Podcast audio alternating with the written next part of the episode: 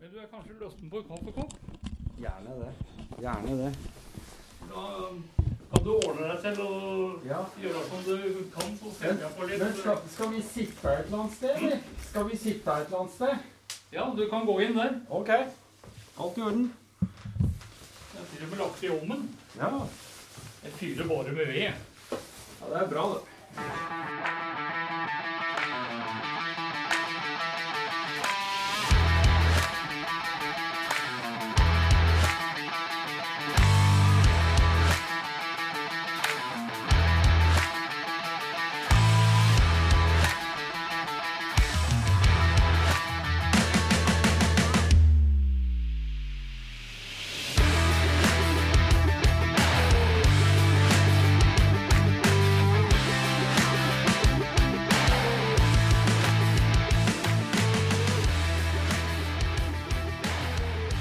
La meg først og fremst bare få lov til å ønske deg hjertelig velkommen tilbake til Rallynord podkast. Det er rett og slett en ære å ha deg som lytter.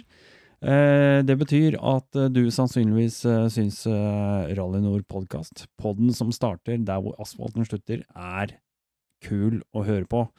Og det setter jeg veldig pris på. Det er det mange andre som har gjort også, men jeg skulle gjerne ønske at det var flere som eh, gjorde det samme, og ble en patron av podkasten. Det er de små midlene i to til fire liter bensin i måneden, som jeg sier, som eh, får dette her til å flyte og eh, kan holde haka over eh, vann. Så hvis du har lyst, øh, eller mulighet, gå inn i shownotes, altså episodebeskrivelsen under.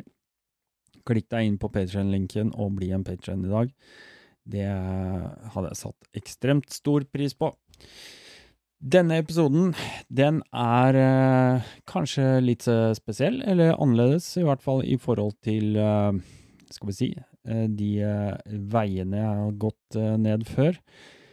Det har seg sånn at eh, MCEK for et par år siden, de, eh, noen av de gutta, de spurte, syntes det var veldig artig med Rallnord podkast.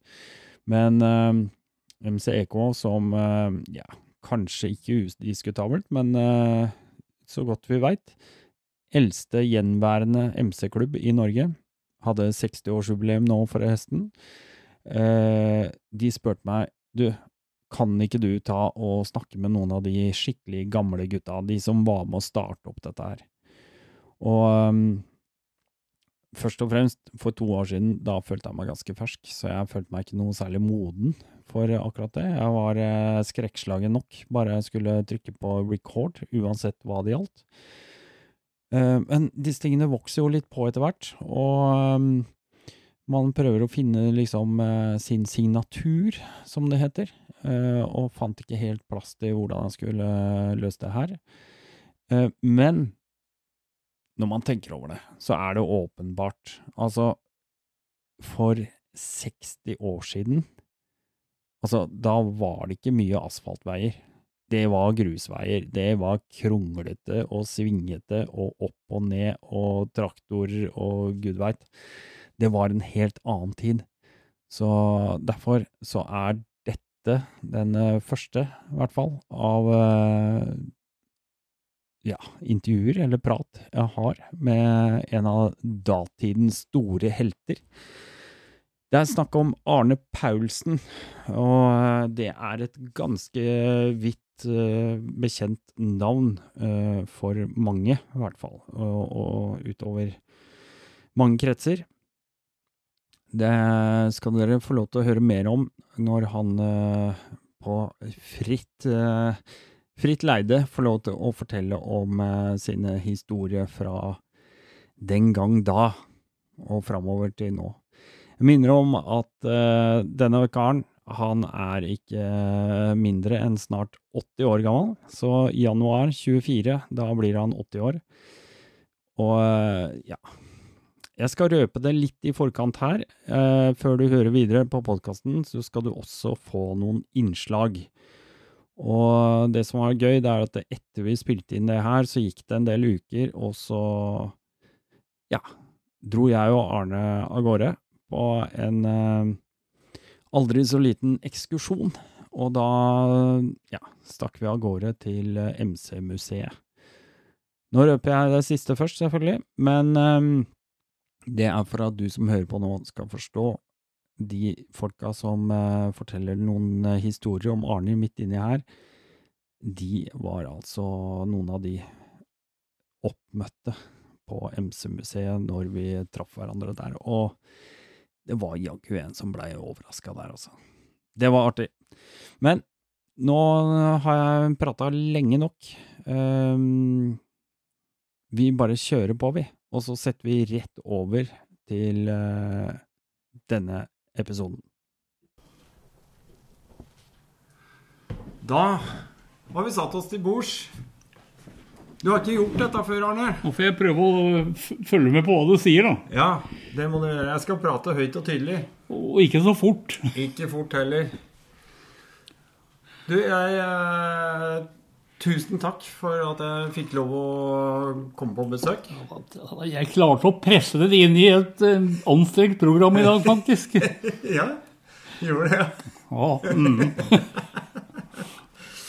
Vi må begynne litt med det. Ehm, jeg huka tak i deg fordi at eh, for to uker siden så fant jeg deg hengende i baren eh, sammen med en, helt andre, en del andre folk på MCEK sitt eh, 60-årsjubileum. Og da tenkte jeg nå må jeg benytte sjansen til å høre med deg. Den har du fått, Ja, den har jeg fått, Ja. og det er helt i orden. Ja, det er fint. Det, det gjør meg egentlig ikke noe. Det er veldig bra. Det er, det er koselig. Jeg, Altså, Ulempen med meg er at jeg har begynt å høre litt dårlig. altså. ja. Så jeg, jeg lurer på om jeg skal gå til fastlegen min og få spilt ut noe ørevoks, om ikke annet. Ja, det kan være øh, bra, det òg. Ja, det Men jeg er veldig god til å vente til i morgen. Ja. Og, og som du vet, i morgen kommer aldri. Nei, det er bare jeg kommer aldri.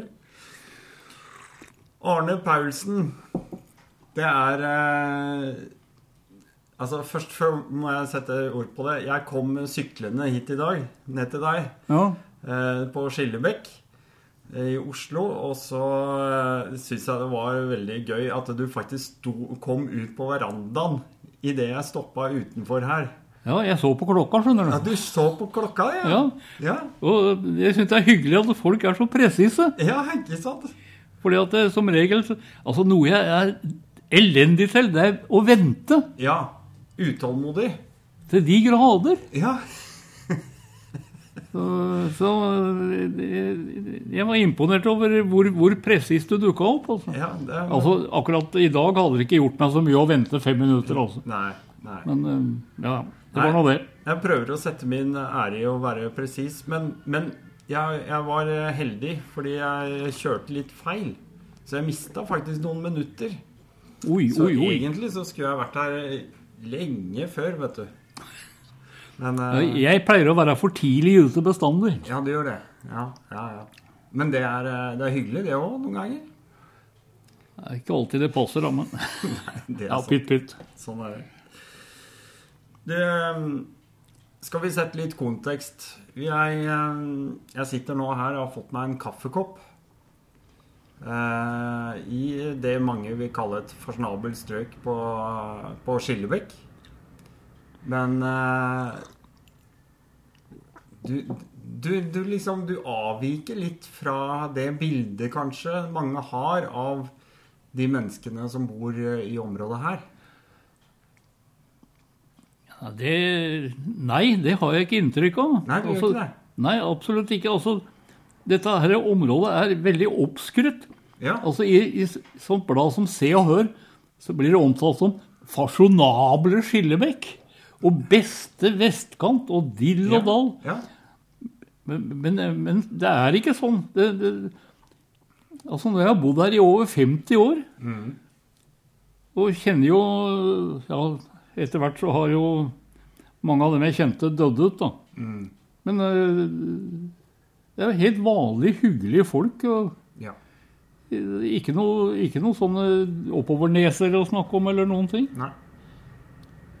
Og så er det jo usedvanlig sentralt, da. Det er det. Det er det.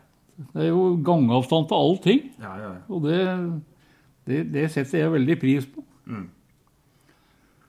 Nei, det er bra du sier det. Jeg, jeg, det, det er rett og slett kanskje bare en myte. Hm? Ja, da er det bare en myte, sier jeg. Ja. Ja.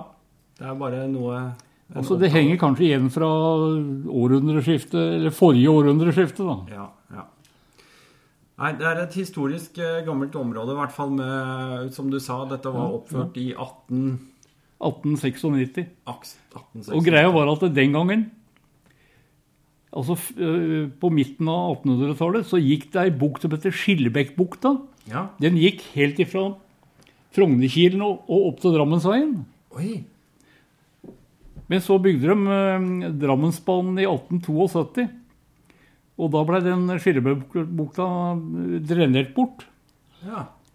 Så greia er at eh, denne gården her er bygd over den gamle Skillebekkbukta. Så det at det, det var faktisk ferdig utgravd kjeller her når de bygde denne gården. Fordi For det, som forbausa meg, er at kjelleren her den er usedvanlig djup. Altså den er omtrent kjeller i to etasjer. Oi. Og jeg skjønte ikke hvorfor i all verden de hadde giddet å grave så djup kjeller her eh, når jeg flytta inn her. Ja. Men så jeg har ei bok da, om distriktet her, og der er bilde av- av denne tomta før gården ble bygd. Og da skjønte jeg hvorfor den kjelleren var så djup, for de, de slapp å grave noe. ja, for de har, De bare, satt, redd, bare retta ut veggene. de har satt grunnmuren nedi, og så har de fylt opp til etterpå. Men det... greia var at eh, sjølve grunnen her var jo nokså ustabil. da. Ja. Så, det at så du, hvis du ser oppå der, så Ja. Man skulle nesten tro den gården ble bygd før Walter ble funnet opp. og da, da unga våre var små, så trilla de trehjulssykkelen opp dit, og så trilla de ned dit. Men det gjør jo ikke noe, da. Nei, det er herlig. Jeg, eh, jeg er veldig glad i disse gamle gårda i byen. Jeg, jeg har vokst opp midt i Storgata selv. Storgata 18, rett overfor Operapassasjen. Oh. Der, eh, den gården er revet. Så der er satt opp nytt nå. da. De har revet mellom to av de gamle byggene. Altså satt opp et helt nytt bygg imellom. Så nei, jeg, jeg er glad i disse gamle gårda og, og, og altså, Grünerløkka og Noe som imponerer meg, er hvor mye arbeid det ble gjort i utsmykkinga av, av veggene. Ut, eller, u- u- hvis du ser bare på den der gården på andre sida av gata der.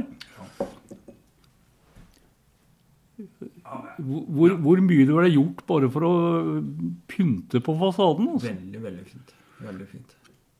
Altså, bare ser i kontrast til den, de der gårda på andre sida av Drammensveien her, som bare er bygd eh, ja, like før eller etter krigen. Her er bare rette, blanke vegger og ikke noe utsmykking av noe slag. Men du, Arne, før jeg begynner å spørre deg om eh, det som skjedde på forrige tusentall, så tenker jeg vi må sette litt kontekst til situasjonen vi er i i dag.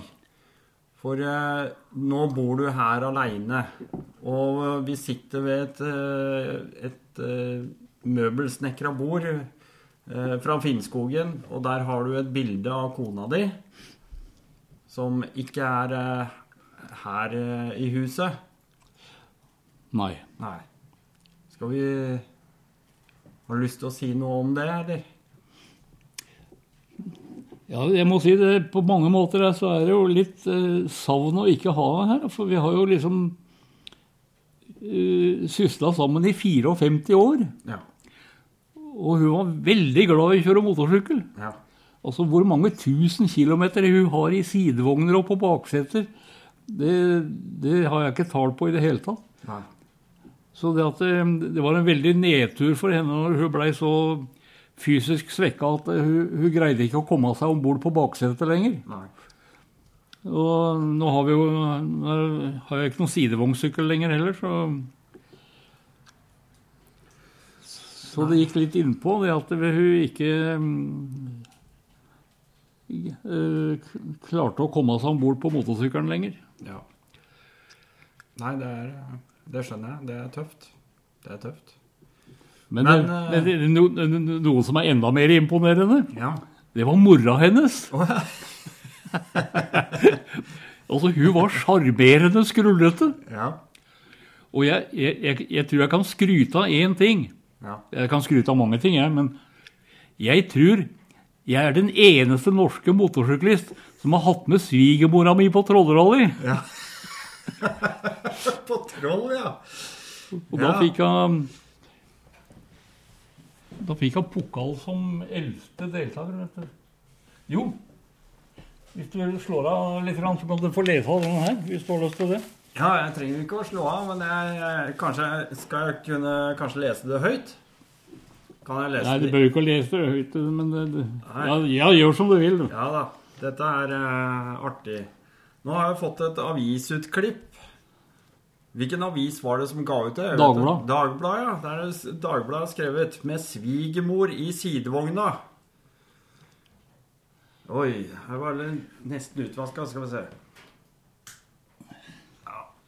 Det var fartsengler fra hele Europa som uh, satte hverandre stevne på Bøflaten ved Vangsmjøsa. Det ble en gigantisk mønstring med godt over 1000 bråkende kubikksjarmører. Jentene uteble naturligvis heller ikke. I åletrange skinndresser skjelte de for hårfagre typer og blankpolerte fartsvidunder. Skrudde selv på gassen og ga sitt besyv med i det larmende inferno. Altså, her er det i hvert fall da omtalt. I åtte år har motorsyklistenes entusiastiske klubb, altså MCEK Oslo, stått for denne mønstringen. Ja, jeg tror ikke vi skal lese heller, men der hadde, det er i hvert fall et bilde av svigermor i sidevogna, og så er det kona di Ingrid, tenker jeg, som sitter Ja. bakpå på sykkelen. Og så er det, er det en datter, er det Trine. Trine det, som sitter på fanget til bestemor. Ja. Det er herlig. Det, altså, det er jo 25 mil å kjøre hver vei, og dette her var hun der oppe ditt med på. Er dette en BSA, eller? Nei, BMW. Er det BMW, ja? Ja, nå ser jeg sylinderen. Ja. 58-modell. ja. Den, den hadde jeg i 45 år. 45 år, ja. Ja. Jeg kjøpte den i 71. Ta oss helt tilbake til eh, når du gikk i knebukser og Når er det interessen for motorsykkel begynte å komme? Ja, Det er ikke lenge siden. Det var nå i 19... eh, Det var våren 47. Ja. For da kjøpte far min sin siste motorsykkel. En 26-modell Harald Davidsson med sidevogn. Og der og da ble jeg faktisk litt hekta. Så jeg vokste opp i verktøykassa til far min, da, Ja. og i sidevogna. ja. Og den eh, hadde familien som eneste transportmiddel i godt og vel ti år. Oi. Vi reiste på sommerferie med den, og, og, og noe jeg husker, var at det, den, den ble, ble etter, som åra gikk, litt, litt sliten. Ja. Så det hendte ved e- enkelte anledninger, hvis det var for bratt oppoverbakke, så måtte mora mi gå av baksetet og hjelpe til å dytte. Det tror jeg det er slutt på nå for tida. altså. ja det, er, det er ikke noe sånt lenger, nei. Men så um, han Far min ble lei av landeveien, så han eh, meldte overgang og ble snekkerskipper isteden. Jaha, ja, ja. Så den Harleyen ble bare brukt alt og fram til, til brygga. da. Ja. Uh, helt til at den ble solgt på slutten av 50-tallet. Da, da solgte han motorsykkel med sidevogn og reservemotor. Oi. Det gikk unna for 50 kroner. Nei og nei, nei, nei. Men du var i 47 Altså, hvis jeg har gjort eh, riktig undersøkelse, ble du født i 44. Januar 44, ja. Ja. Det vil si at du er eh, straks eh, 80. Ja, dessverre. Ja, ja. Det er fæle tall. Ja, jeg skulle ikke ha sagt det, men eh, Nei, ja, jeg veit det sjøl, da. Ja. Men, men da var du altså tre år da når du krabba opp i den sidevogna. Ja. Hva skjedde da, når, du, når den ble solgt, og, og du eh, Jo, da, da var jeg eh, nesten så gammel at jeg kunne kjøpe meg noe med motor sjøl. Ja. For eh, konfirmasjonspenga i 59 Ja. så kjøpte jeg moped. En 50 kubikk Ducati, Oi. såkalt Cucciolo. Ja. 50 kubikks firetaktsmotor med underliggende kam. Yes. Og den var, den var på over én hestekraft. Så det gikk fælt, da? Nei, Nei. det var flere av oss gutta ute i Bærum som hadde sånne Cuccioloer. Ja. Så vi drev og, og smidde megafoner og sånn for å få Prøvde å få samme duringa som, eh, som, som jappmotora på Dælenga. Ja, ja. Og det greide vi! Ja, Nesten. nesten. ja. Men også greia at jeg tenker tilbake på hvor gæren og ubetenksom han var på den tida. Også, I 1960 Det er Bare for å ta, gjøre ei kort historie innmari lang, da. Ja, ja, ja. Altså, Far min ble jo snekkerskipper. Ja. Så det at det sommerferien det skulle være på havet. Med, med, med snekka, da. Og noen år så var det helt ålreit. Men i, i 1959, da jeg hadde kjøpt den der kullsjoloen, så var jeg så kjørekåt som du kan tenke deg. Men så skulle vi på sommerferie, da. Med snekka. Og der sto kullsjoloen hjemme. Og, og jeg, jeg led meg gjennom dagene. Men så omsider altså, begynte far min å tøffe hjemover til, til brygga si. da. Men da kom et stykke ut i Bærumfjorden der, så stoppa han og slang ut dreggen. Hva er det for noe nå? sa jeg. Jeg må jo fiske litt, da. Åh, for han var så fiskegæren. Ja. Og han fiska og fiska og fikk ikke noe fisk. da. Nei, gi opp den fiskinga, sa jeg. Nå, er jeg på land. Nei, jeg kan ikke gi meg før jeg har fått en fisk. Og så fikk jeg en fisk, da. Ja, ja, nå kan vi dra, sa jeg. Dra nå? Nå som han begynner å bite? Den, den derre ventetiden når man er litt ung og yr, da Det var et mareritt, altså. Det er fælt. Men da i 1960 da bestemte jeg meg nå drar jeg på sommerferie aleine Ja. med den kulturen. Altså, må, altså, jeg kan dokumentere det eventyret der, altså. Åssen var det? Da var du 16? 16 år? Ja. Hvordan, hva tenker du om, hvordan tenker en 16-åring på den tida om å dra på, mot, altså på ferie aleine? Landeveien var et eventyr. Ja. For på den tida så, så, så var det ordentlige veier. Det, det eksisterte ikke motorveier eller noe sånt noe. Så, så jeg tok en Jeg kjørte hele dagen. Da kom jeg til en sørlandsby som heter Larvik. Og der slo jeg opp et sånt knappetelt fra militæret. Ja. Og så tok eventyrlysten fullstendig overhånd. Kjøpte jeg billett med ferja til Danmark. Og så kjørte jeg hele Danmark nedover. Nesten ned til tyske grensa. Og bodde i grøftekanter underveis og, og alt mulig sånt.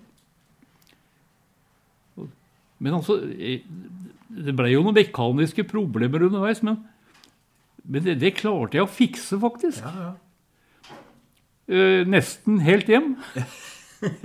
Så jeg kom meg til Fredrikshavn, og så gikk ferja tilbake til Larvik. og når jeg kom til Sande i Vestfold, så sa kulturen poff, poff, poff, og så sa det ikke noe mer. Så da slo jeg opp teltet i grøftekanten der da, og, og prøvde å reparere, men da, da, da var det slutt. altså. ja. Da fikk jeg faktisk haika med en lastebil hjem. Den tok med både meg og mopeden og hele utstyret mitt. Og da kasta jeg meg ut i arbeidslivet da, for å tjene penger til å kjøpe noe ordentlig noe. ja. Og da var jeg veldig flink. Jeg klarte å spare penger. Jeg hadde nesten, I 1961 så hadde jeg nesten nok penger til å kjøpe en ny Vespa-scooter. 125 kubikk. Ja. Og den kosta 3400 kroner. 1000 kroner mer enn en Java 125. Oi, oi, oi. Men ute i Bærum så gjaldt jo ikke Java. Det var jo Vespa Nei, som var greia. ja. Ja. Og den, eh, den kan jeg rose opp i skyene. Jeg vil nesten påstå det at den var så bra at den det var, ikke mulig å forbedre den. Men når du sier det der, det du sier nå, med at uh, i Bærum så skulle du ha Vespa Ja, det gikk an med lambretta òg, da. Ja, men der er vi inne på dette eh, litt sånn rockers og mods. Var det noe preg nei, av det? det? Var, det var ikke det noe sånn- det var jo noen som kjørte motorsykkel i Bærum òg, men det var ikke noe, noen motsetninger der. Nei, Altså. nei, nei. Jeg bare lurte på om det var, noe, om det var en greie Nei, på den tida. ikke det hele tatt. Nei, nei. Og så jeg husker det var en ja, jeg, Nå har jeg ikke så mye kontakt med henne lenger. Det er En som heter Henry Harfeldt. Ja, En gammel speedway-kjører. ja. Han hadde en fantastisk motorsykkel som jeg var helt eh, opptatt av. Det var en, en 250 Puck. Og den, det jeg husker på den, det, den dura så fint. Ja. Og veit du hva? Han har den den dag i dag. Jøss. Ja, det er spennende. Ja, altså Den sykkelen var jeg så fascinert av. Altså, det var et så vakkert byggverk av en motorsykkel. og Jeg tror faktisk han gikk fort òg.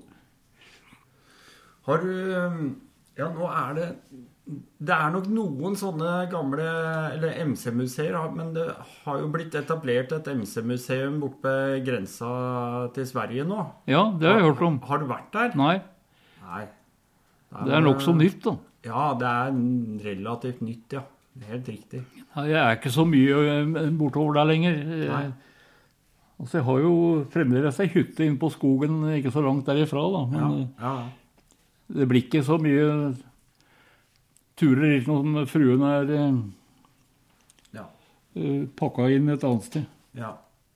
Ja, og akkurat her så eh, må vi hoppe tre uker fram i tid. Fordi dette var noe jeg bet meg merke i, at han ikke hadde vært på MC-museet. Dere som har fulgt med litt, dere har jo hørt jeg har hatt en episode fra MC-museet tidligere. Eh, jeg syns jo selvfølgelig at det hadde vært veldig gøy om eh, Arne kunne få lov til å besøke MC-museet og få lov til å se mange av disse gamle syklene fra den tida han snakker om. Og eh, når jeg gikk ut av døra etter dette intervjuet her, så idet jeg var på vei ut, så spør jeg om, om han syntes det var greit at jeg inviterer han med dit en helg.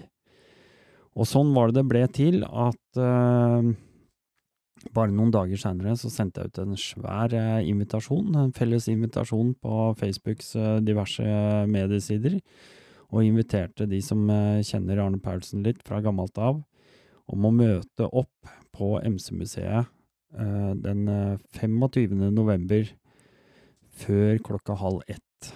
For da hadde jeg tenkt jeg skulle komme dit med Arne. Og jeg hadde ingen anelse om eh, hvor mange eller hvem som skulle dukke opp der. Men eh, at det blei en, eh, en veldig hyggelig seanse, det er, det, er, det er helt sikkert. Bare hør her nå. Velkommen, da.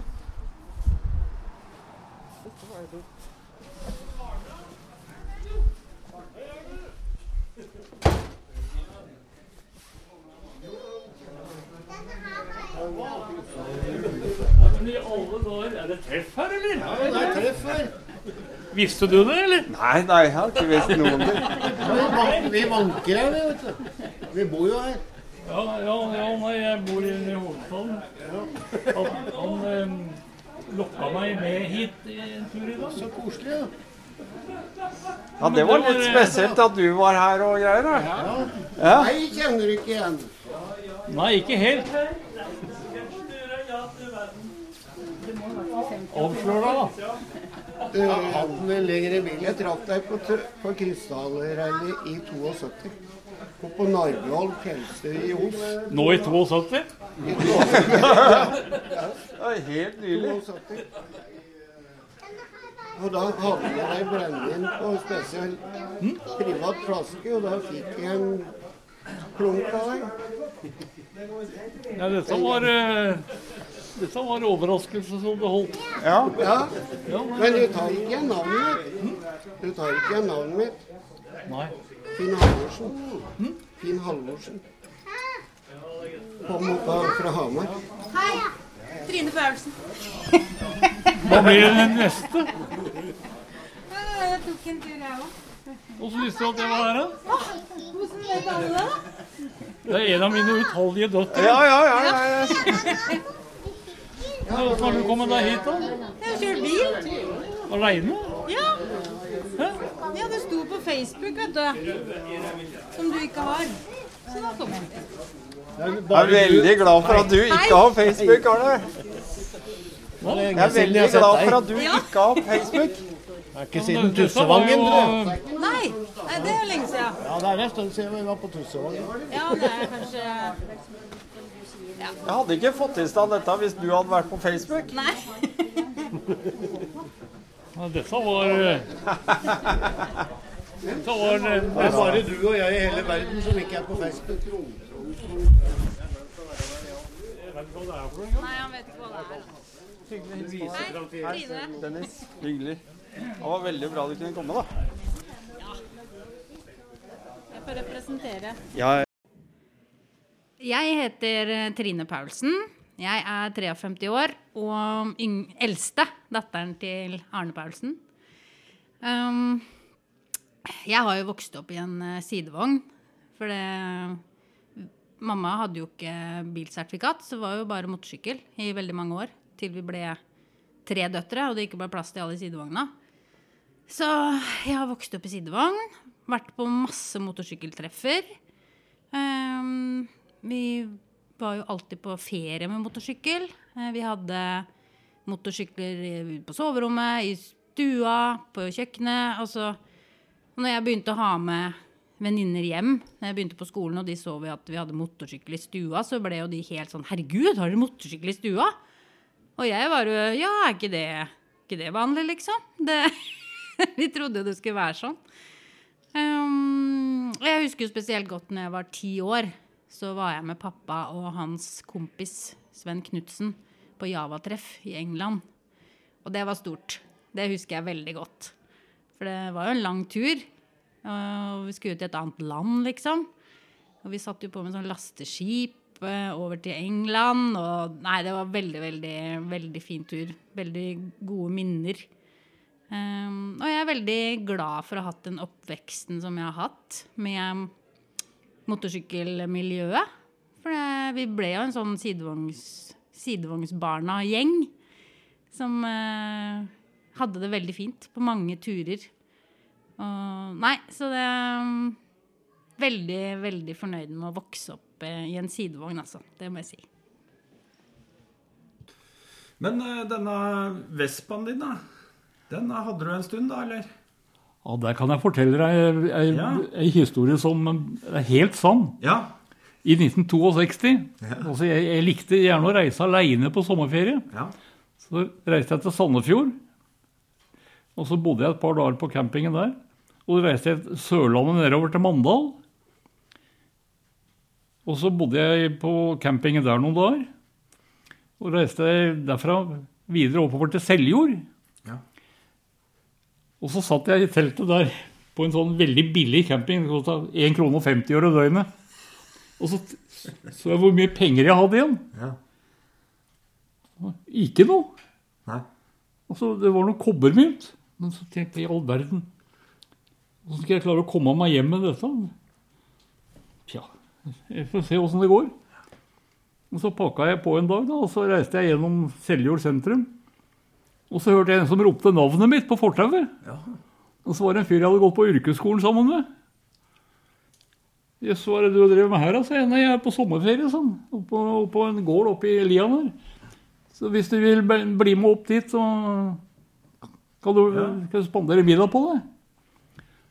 Og jeg hadde ikke spist middag på 14 dager. vet du. Jeg hadde kokt på samme kaffegrøten og gnagd på samme kneipskjelken i flere dager. Så en god middag, det kunne jeg tenke meg. Jo, og det var sånn Det var en sånn gård hvor det var en del Som husa en del sånne turister. da. Ja. Og det var sånn langbord, da. Og der kom vi omtrent til når middagen var ferdig. Rømmegrøt. Åh, Det er Og jeg åt rømmegrøt med begge armene. Men, men det som var greia, Ja. at det, fordøyelsessystemet mitt Hadde helt andre vaner. Og dette var tung fyringsolje. Vet du hva? Magen greide ikke å håndtere det. Nei. Så når jeg hadde eti meg sprekkmett, så kjente jeg blop, blop. Ja, ja. Og Dette gikk galt, veit du. Og jeg fikk kasta meg ut døra og ut på tunet og leverte all rømmegrøten ut på tunet der. Og det var flaut, altså. Og så Jeg kunne jo ikke si takk for maten, jeg sa takk for lånet bare. Ja, ja, ja. Men så sa han der kameraten at du veit du hva? Hvis jeg får sitte på med deg inn til Oslo, skal jeg øh, betale bensin, da? ja. For nå gidder jeg ikke å bo her lenger. Nei. Ja, det er i orden, sa jeg. Ja, ja for da, da, var du sikra hjemreisen i hvert fall. Så det, det ordna seg, så jeg, jeg kom meg hjem eh, uten penger den gangen. Da. Men den, eh, den der scooteren ble stjålet fra meg da, på høsten i 62. ja. Så den ble borte mens jeg hadde kasko, da, så jeg, jeg fikk jo en del penger igjen. da. ja. Og da gikk jeg på butikken og kjøpte meg motorsykkel. Da var det motorsykkel, ja. 1962, da, da Siden 1962 så har jeg vært Java-kjører, faktisk. Ja. Kjøpte jeg en 350 Java. Den eh, Det står en Java her ute òg. Ja, det er en 61-modell. Ja. 125 kubikk. Ja. Som jeg kjøpte nå i 66. ja. Nydelig. Den har hatt et eventyrlig liv. Jeg lurer på om det er den eneste Javaen i Norge som blei med meg i militæret. Oh, ja. Altså i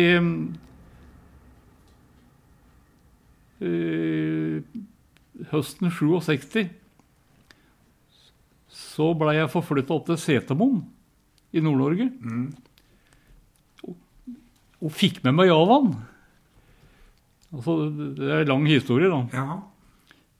Men den, eh, den ble frakta med sånn der militært transportfly fra Fornebu og så opp til Bardufoss. Jaså?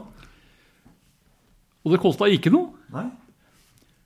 Og så var det transportgutta i, i leiren på Setermoen var og henta han i Volvo Jeep. Og i leiren der så var det et hobbyrom Ja. som ingen brukte. Som jeg okkuperte med Javaen min. da. Og drev der og skrudde og dulla med den hele vinteren. og Satte den sammen om våren. og hadde faktisk litt nytte av den der. Og, Ja. og så Reversen var eh, like enkel. Da. Bare kjøre med Volvo Jeep til Bardufoss og så med transportfly til Fornebu. ja. Og da var det verneplikt i 18 måneder, eller? Nei, det var bare et år. Det var bare 12 måneder. Jeg var tre måneder i, oppå Lavemoen, da. Ja, ja. Og så var jeg ni, ni måneder oppå Setermoen. Ja, riktig. Og det var et herlig år. Ja. Jeg hadde det så mye moro det året. Jeg tenker tilbake på alle de underlige skruene som jeg bodde sammen med i, i militæret.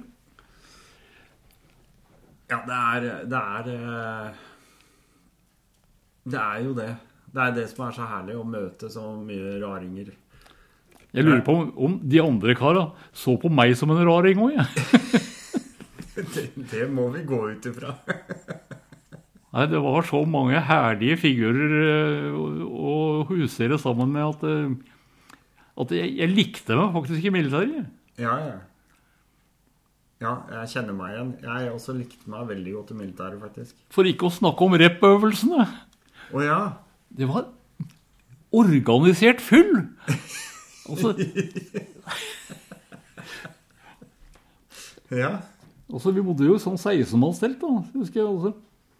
Den derre teltkassa som uh, alt utstyret til eh, teltbruken var var og borti, Ja. den ble jo tømt og ble brukt som brennevinslager. Litt sånn som noen av de teltene vi ser oppe på Primus-treffet den dag i dag, kanskje? Ja, det er Det er ikke langt unna. Ja, litt, eh, kanskje. Men du, det, vi må gå tilbake, fordi nå Den Javaen du kjøpte den gangen, da i eh, 62 Ja.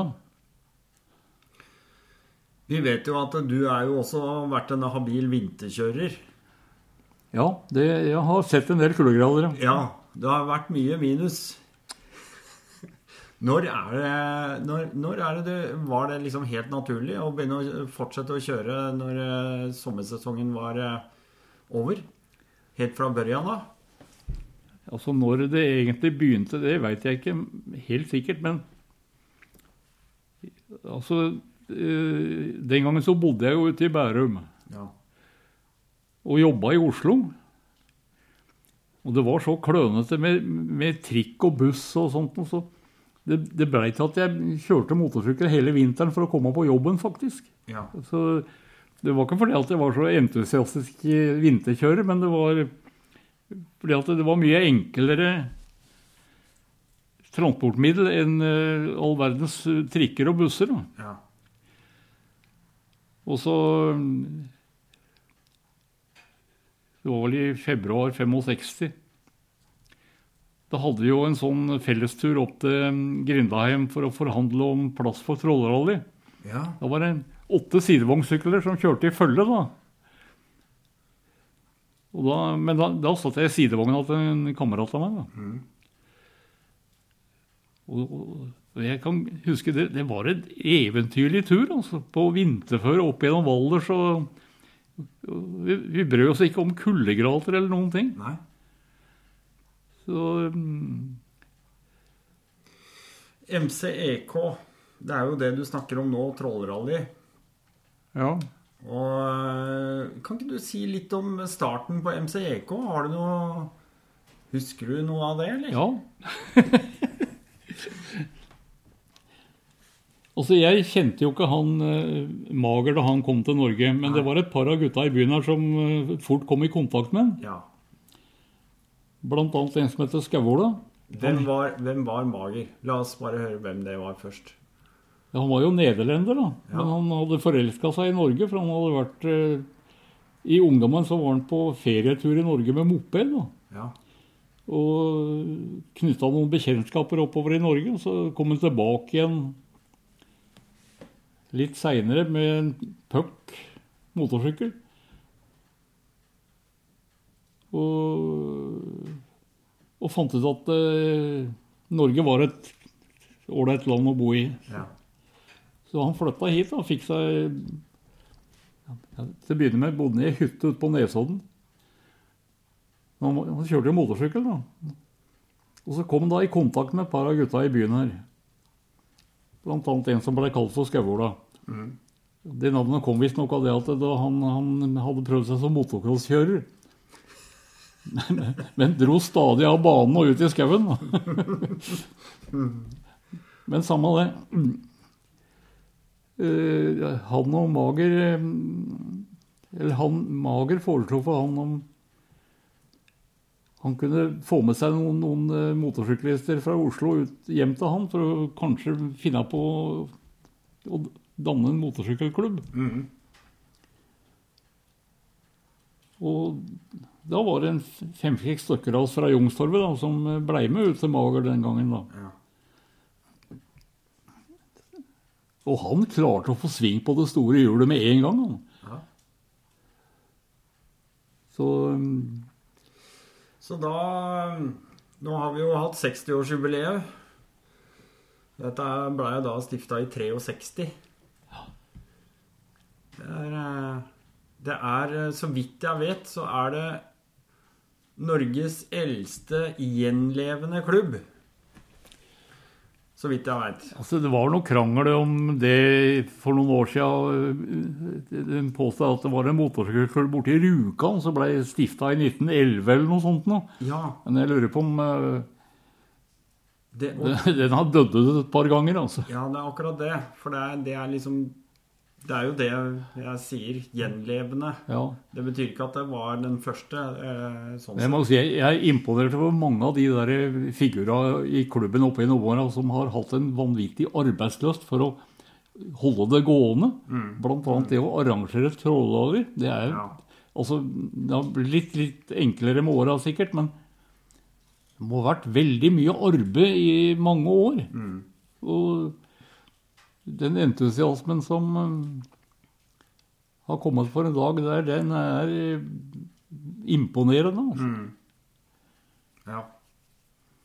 Det er en stor klubb, og, og veldig mange Skal vi si at det er flere fraksjoner på mange måter, da. Altså det er jo en inklus, inkluderende MC-klubb Ja. med alle mulige typer sykler. Jeg fyrer litt til. Ja, gjør det, gjør det.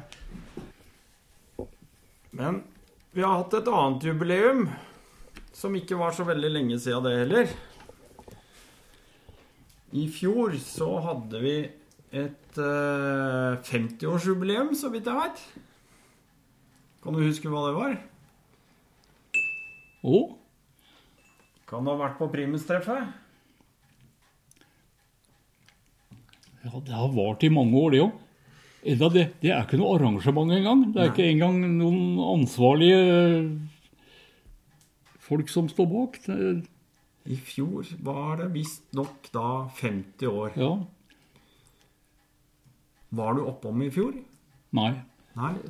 Altså Når jeg ikke har noe sidevognsykkel lenger, så har jeg ikke noe lyst til å kjøre solo på vinterføre. Nei, nei, nei. Eh, som du nevnte i stad, så begynner jeg faktisk å dra litt på åra òg. Å?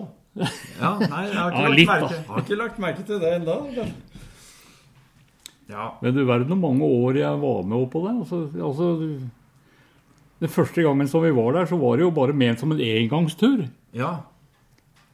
Det var tolv stykker av oss som møtte opp. Det var Knutsen og jeg som sendte ut sånn innbydelse til folk vi visste kjørte om vinteren. Så kom det jo jeg tror det var tolv stykker. Og så ble vi enige om at dette var så hyggelig at det tar vi jaggu neste år òg. ja. Og, det, og siden så har det balla på seg. altså. Men primustreff Du er jo primusgeneralen. Altså, Jeg kunne holdt et langt foredrag om eh, primusens fortreffeligheter. Ja, vi, vi Og så greia er at den ble, den ble patentert i Sverige i 1892. Og den eh, konstruksjonen som ble patentert den gangen, mm. vet du hva? Den var så fullkomment at det var ikke mulig å forbedre den. Altså, Hvis du ser på en eh, bilde av en primus fra 18... eh, eller 1900, da. Ja. Og så er, går opp til slutten av 1900-tallet, altså 80-90 år seinere, så er det nøyaktig samme konstruksjon. Ja. Så Hva, det, hva, hva er det som fascinerer? Hva, hva er det som fascinerer? det er ideen bak brenneren. Ja. Altså det, det huet, det svenske huet som klarte å tenke ut den, der, den konstruksjonen der, den har imponert meg voldsomt. Altså. Mm. Ja, Vi sitter jo ved et eh, dekka bord, må vi jo kalle det. Det er Ja, ja. x antall eh, primuser og brennere her. Den som st står til, til høyre bakerst der, Ja. det er en Primus som far min kjøpte i 1935. Ja. Den gangen han drev som motorsyklist og farta landet rundt. Det er altså farsarven min. da. ja. Og den er altså snart 100 år gammel og fungerer like fint en dag i dag. Ja, det er herlig. Men så har vi ideen, da. Hva var primustreffet da? Hvordan kom Nei, det, kom man på det, det? det, det var jo ikke ment som et primustreff den gangen. Nei. Men da vi søndagsmorgen så satt, satt hele gjengen der og så stekte egg og bacon og kokte kaffe på hver vår primus. Ja. Og så var, da var det en som Det ble jo reine primustreffet, dette. ja, ja, ja. Bang! Det var det. Det var det, ja. Men det, har vært mye mye underlige tildragelser opp gjennom åra der. For noe som imponerte meg, det var Jeg var på Krystallrally. Ja. Det, eh, det, det Jo, det var jo i januar måned, så det var før primustreffen. da. ja. Og der kom jeg i prat med noen nederlendere som hadde hørt om denne primustreffen. Og det var langt utpå lørdagskvelden, vet du. Og vi hadde tatt oss en liten skarp en, og kanskje to òg. Ja, ja, ja. Og da blir jeg veldig god i engelsk. jo, Og så disse her nede, de var så nysgjerrige på denne primusreffen om um, hvor dette var hen. Ja. Jo, så forklarte jeg da. Ferry til Oslo, og så kjører du opp dit, og så kjører du opp dit, og så tar du av til høyre der, og så er det fem kilometer oppi der. og så... Flytende engelsk. Ja. På, på sånn ordentlig god lørdagskveld-engelsk. Jo, nei, dem skulle ta seg en tur. Ja, dette hørtes morsomt ut. Og det, og, men så huska jeg dette. Som vi dro på primusen, så var jeg så nysgjerrig på om de kom. Ja. Og det gjorde de ikke. Nei. Men det kom noen andre nederlendere. Oh, ja. Og så spurte jeg åssen de hadde funnet fram hit. da. Jo, nei, de hadde en kamerat som hadde fortalt om dette her. da. Så han hadde fortalt dem veibeskrivelsen som jeg hadde snøvla fram på lørdagskvelden. Og så fant de fram. Det er helt utrolig. Men det har alltid ligget på fjorda. Vært på samme sted hele ja, tida. Samme gata, holdt jeg på å si. Samme traseen. Det har vært Eller- litt uh, Litt om og men med lokalbefolkningen. For det var eh, noen år som det skjedde ting som lokalbefolkningen ikke var noe særlig begeistra for. Ja. Blant annet at når folk kunne drite, så gadd de ikke også gå ut i løssnøen og drite. De gikk bare litt lenger bort i veien og dreit i veien. ja, det er ikke så mange år siden vi fikk den der toaletten der. Nei, og den, den har gjort nytte for seg. Altså. Ja da, den er det. Men altså, jeg må si at det der primustreffet de har, har plassert Bjoneroa på verdenskartet. altså. Ja, det er en institusjon. Det er det. Det er, eh, det er herlig. Jeg har aldri vært på Krystall, men eh, hva, hva, vil du si er eh, Jeg vet jo at det er forskjell på Krystall og primustreff, Ja. men hva vil du eh, Altså, Si. Krystallrally, det, der bor du jo på hotell, da. Ja. Uh, og det var i grunnen uh, greit nok mange ganger, det. Mm. Men uh, det, er, det er noen ganger jeg har bodd i telt utafor hotellet Ja. på Krystallrally. Ja. Et år bodde jeg til og med i sidevogna. Og fikk hederlig omtale i VG. Du gjorde det òg, ja? ja. har bilde på baksida av VG. Hadde litt frottfeskål, òg, da. Hm? Ja, du hadde vel litt frostvæske også, da, eller? Jeg hadde jo en primus og en kaffekjeller, i hvert fall. Det er ja, ja. mulig det er mulig du er inne på det der med frostvæske. Den sidevogna den var faktisk så stor at det, det, var- det var komfortabelt å bo i den. Ja. Og den hadde jeg laga sjøl. Ja, fortell om det. Jo, det, Hvilken var, sykkel var dette til, da? det var til BP-en. Ja. Det var den BP-en jeg hadde i Mm. Alle disse åra. Jo, nei, det var Det var fire kamerater av oss som eh, på en eller annen måte eh, gikk sammen om at vi skulle bygge vår egen sidevogn etter vårt eget ønske. ja. Blant annet romslig sidevogn med mest mulig bagasje under tak. ja. Jo, altså jeg er imponert over det der eh, byggverket vi fikk til der. Først da måtte vi lage en plugg av isopor, ja.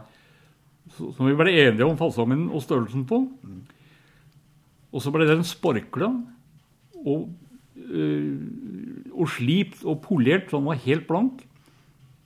Og det var mye arbeid. ja. Og så støpte vi da ei form utapå den pluggen. Og så støpte vi karossen i den forma av glassfiber og polyester.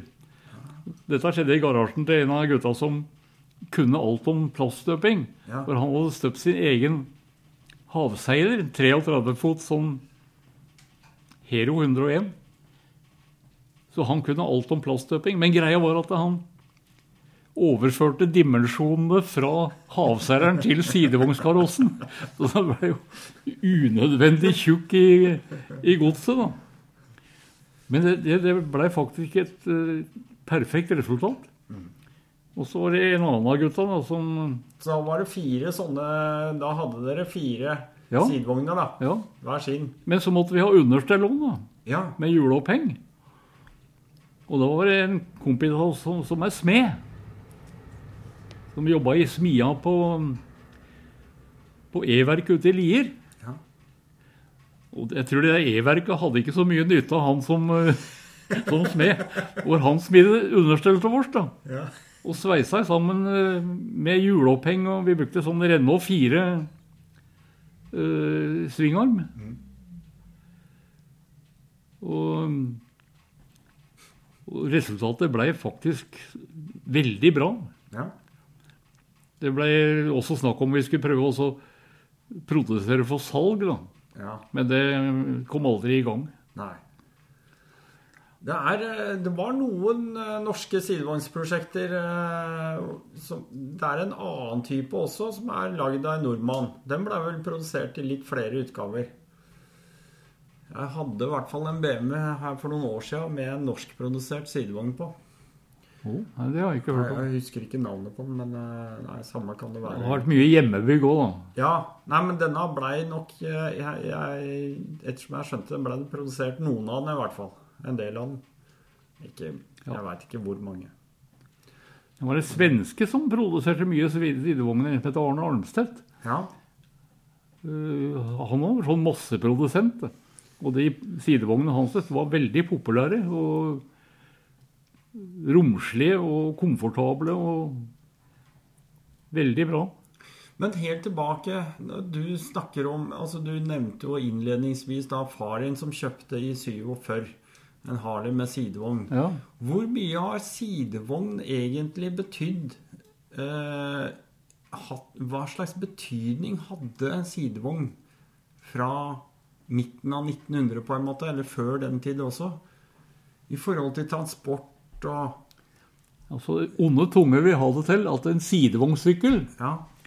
den har både motorsykkelen og bilens dårlige egenskaper i samme kjøretøy.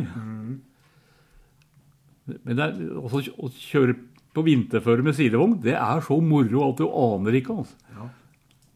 Så det har jeg hatt, hatt mye glede av. Og alle ungene våre, hele den gjengen der, vokste jo opp i sidevogn. Særlig hun eldste. Også hun, hun var jo nesten ikke født engang første gangen hun var med i sidevogna. Nei. Men ingen av dem har fått noe sånn tenning på motorsykkel siden. Nei. Nei. De, de fikk så de klarte seg i barndommen. Ja. Nei, det er eh, Jeg er veldig Jeg, jeg har jo sidevogn sjøl. Jeg har hatt mange.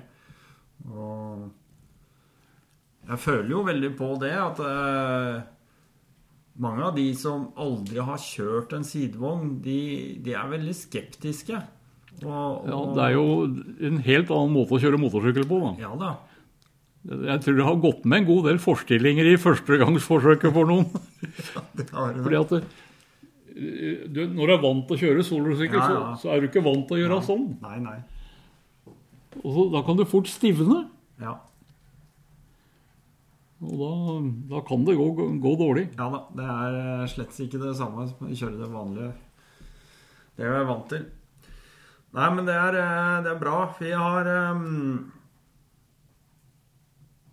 du, Det har ikke tilfeldigvis Jeg måtte bare spørre eh, Nei, det har du ikke, for det er i januar du har bursdag, selvfølgelig. Ja. Hvordan eh, Primustreffet, det er jo da siste hele helgen I februar. i februar. Ja. Så det var liksom Da fant dere ut det allerede første gangen dere var der? Eller? Nei, det, det husker jeg ikke. Eh, jeg lurer på om det blei en justering, fordi at, eh, sånn at det ikke blei altfor tett inntil Krystallrally. Ja, For det var, no, det var noen år som det var helga etter hverandre. ja riktig. Og da kom det en tysker på primustreffen. Ja. Achim Stemler. ja. En, en hurtigtalende tysker. Men en alvorlig hyggelig kar. Så han kom på primustreffen, og så, og så reiste han da videre til Salhallen, for da var det krystallrally ja. helga etterpå. Og så var det han der tidligere omtalte Knutsen og jeg. Vi skulle bo i telt da, på Savhallen. Og så kom vi dit eh, Var det på fredagskvelden? Og satte opp telt. Og der hadde han Achim Stemmler satt opp teltet sitt, han også. Og han var så pratesjuk. Men han snakka jo ordentlig tysk, da. ja. Jo, og så drev Knutsen og jeg og satte opp hvert vårt telt. Men han Knutsen han hadde satt opp teltet sitt eh, i nærheten av av tyskeren, da. og jeg litt bortafor. Så mens jeg drev og satte opp teltet mitt, så hørte jeg han tyskeren komme bort til Knutsen.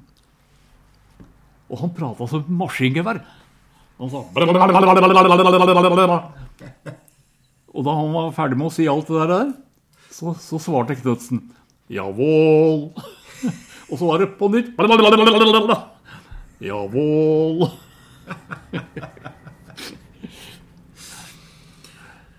Du, eh, du hadde en, eh, du hadde en eh, fin historie du kom med når jeg prata med deg på, på MCK oppe på Ammerud.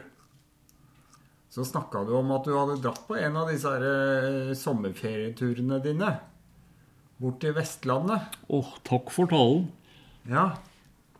Kan ikke du Og ta kan, den? du, da kan du snakke om dramatikk, altså. Ja. Da, da hadde jeg Java 350, var det 65. Da var jeg eneste turisten i Florø.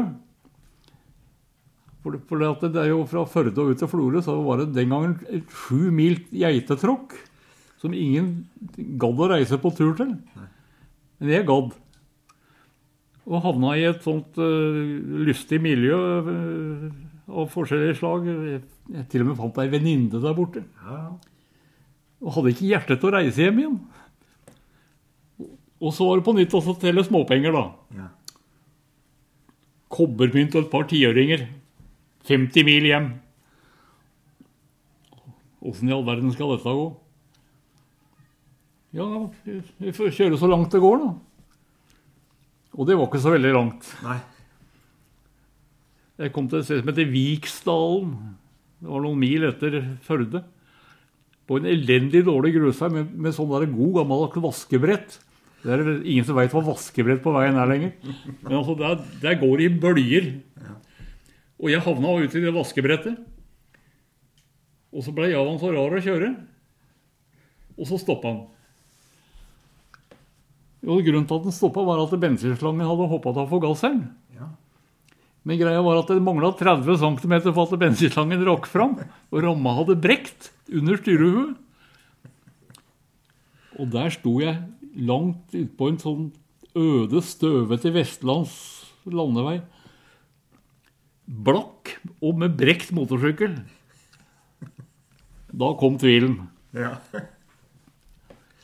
Og så satt jeg der og, og grubla, og så, så hørte jeg det kom en motorsykkel eh, borti veien der. Det var en indian med sidevogn. Og en gammel gubbe som satt oppå. Og han stoppa da, og lurte på om jeg hadde problemer. Gjett, sa jeg. Nei, men eh, nå skal du høre hva du gjør sånn. For dette her kan jeg alt om. Nå tar du bagasjereimene dine, og så, så heiser du motoren opp så langt at uh, bensinslangen når forgasseren. Og så kjører du forsiktig ned til bygda der. Og der finner du sikkert en smed som har sveiseapparat som kan sveise ramma di. Så dette her er ikke noe problem. Dette går så bra, altså. Ja, men jeg eier ikke penger, sa jeg. Å. Nei, men da kan du få låne av meg, da, sånn. Så, den gangen så var 50 kroner mange penger, da. Og så fikk jeg navn og adresse. Han var fra Drammen. Og så gjorde jeg akkurat som han sa. Og sneik meg de kilometera som sto igjen ned til, ned til bygda. Og der fant jeg faktisk en smed. Hvordan jeg fant han, det husker jeg ikke. Men han sveisa sammen ramma mi, da. Ja. Og tok 20 kroner for det. Og da hadde jeg 30 kroner igjen. Og det holdt faktisk med bensin helt hjem. Jeg, tror det er kroner krone literen for bensin eller noe sånt. Men altså, jeg, jeg kom meg hjem for akkurat for de siste dråpene for de penga jeg fikk av han. da. Og så var jeg på jobben på mandag, da, og så leste jeg Aftenposten. Den 74 år gamle motorsyklisten Torvald Hagen ble drept i trafikkulykke på Vestlandet. Det det var samme dagen som han stoppa for å hjelpe meg. Altså. Da tenkte jeg som så Hadde ikke han stoppa for å hjelpe meg, så hadde han vært et annet sted på veien enn der den uh, ulykka skjedde. Da. Så da fikk jeg dårlig samvittighet. Altså. Ja. Men det var det Det ordna seg den gangen òg. For meg, da. Ja, ja. Nei, det er eh, sånne, sånne ting det, det Det gjør jo inntrykk. For meg så ble det uforglemmelig. Mm. Du skyldte jo han 50 kroner òg. Han fikk jo aldri dem igjen. Nei, han fikk ikke det. Men eh, mange år etterpå så traff jeg noen gamle kamerater han, Ja. som også kjørte motorsykkel. Og så, så spurte jeg sånn helt tilfeldig om de huska en som heter Thorvald Hagen. Å Og jo, det var, han hadde vært i samme miljø som dem. da. Og de fortalte hva som egentlig hadde skjedd. Det var, han møtte to biler hvor den ene drev med forbikjøring. Okay. Og så var det ikke noe mer vei igjen til han. da. Nei. Så han hadde i, i hurten og sturten kjørt av veien da, for å unngå frontkollisjon. Og, og hvelva ned i grøfta. Men uh, han hadde ikke skada seg, men uh, hjertet stoppa. Så han, uh, han krasja seg ikke i hjel. Det var sjokket som tok knekken på ham. Åssen mm. var veier og sånn Det er jo ikke sånn som Det var ikke motorvei, det var ikke firefeltser og det, sånne ting. Men altså, åssen var veinettet på den tida? Liksom, hvordan, Det var krø- krøllete. det var krøllete, ja. Og så Altså. var det veldig mye grusveier. altså Ja. Så seint som i 65 så var det faktisk gru- grusvei fra Fagernes og opp til Grindaheim, til Trollrolli. ja. Og, og sånne grusveier var ofte også støvete Ja. og hølete og Ja. vaskebrettete. Så nei, det var ikke alltid like moro Altså, vi trodde det skulle være sånn. da. ja, men det var jo sånn. Ja, men det var jo sånn. Ja. Det var jo sånn. Men så var det jo også veldig mindre trafikk, da. Ja. Det var det. så, og jeg begynte å kjøre i 59, så var det ingen som hørte, hadde hørt om parkeringsproblemer eller bilkøer eller, eller rushtrafikk. Eller. Ingenting. Nei, det var, det var ord som ikke var funnet opp ennå. Nei, og da måtte du vel ha løyve til bil også, fram til eh, en eller annen gang på 50-tallet, var det ikke det? Hva da? Måtte du ikke ha løyve for å få bil? 1960. Ja, tror det var høsten 60 så var den der kjøpetillatelsen oppheva. Ja riktig. Så da kunne alle og enhver kjøpe seg bil. Mm. Men før måtte du ha en påviselig grunn til å kjøpe bil. da. Ja. Altså Hva det hva for noe, det vet jeg ikke. Men Nei. det var vel kanskje forretningsfolk med transportmuligheter. Og... Lege og sånne ting. Litt an andre ting. Du, jeg vet at du øhm,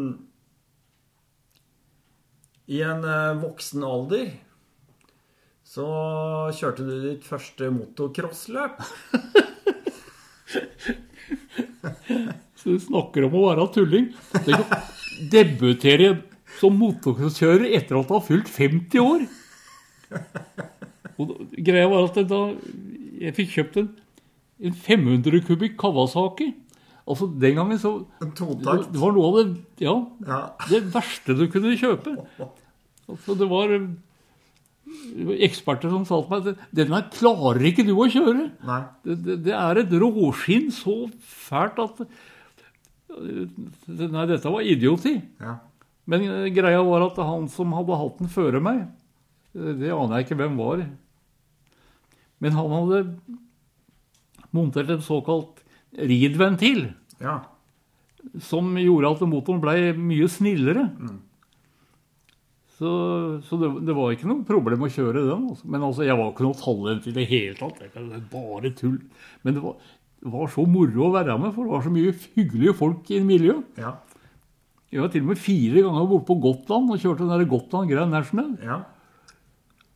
Og, og det er et eventyr av en annen verden. altså. Det går denne helgen. Gjør det det? Ja. Så nå er vel øh, folk snart på vei hjem igjen. Ferdig kjørt. Så Altså, uh, kona mi var jo med som fotograf, da. Ja, på Gotland. Ja. Ja. Altså der Starten gikk på et enormt jorde. Ja, ja. Og der sto det 800 motorsyklister på startgrina. Og så skjøt de startskudd med kanon. Med en tanks. Ja. Du kjente skuddet mer enn du hørte. Og så 800 gærninger som kjørte var en, ja, borti en kilometer over dette jordet, og så gikk det inn på en traktorvei. Ja. Så der var det litt sånn underholdning i, i innkomsten til den traktorveien. da. Og mye kalkstein.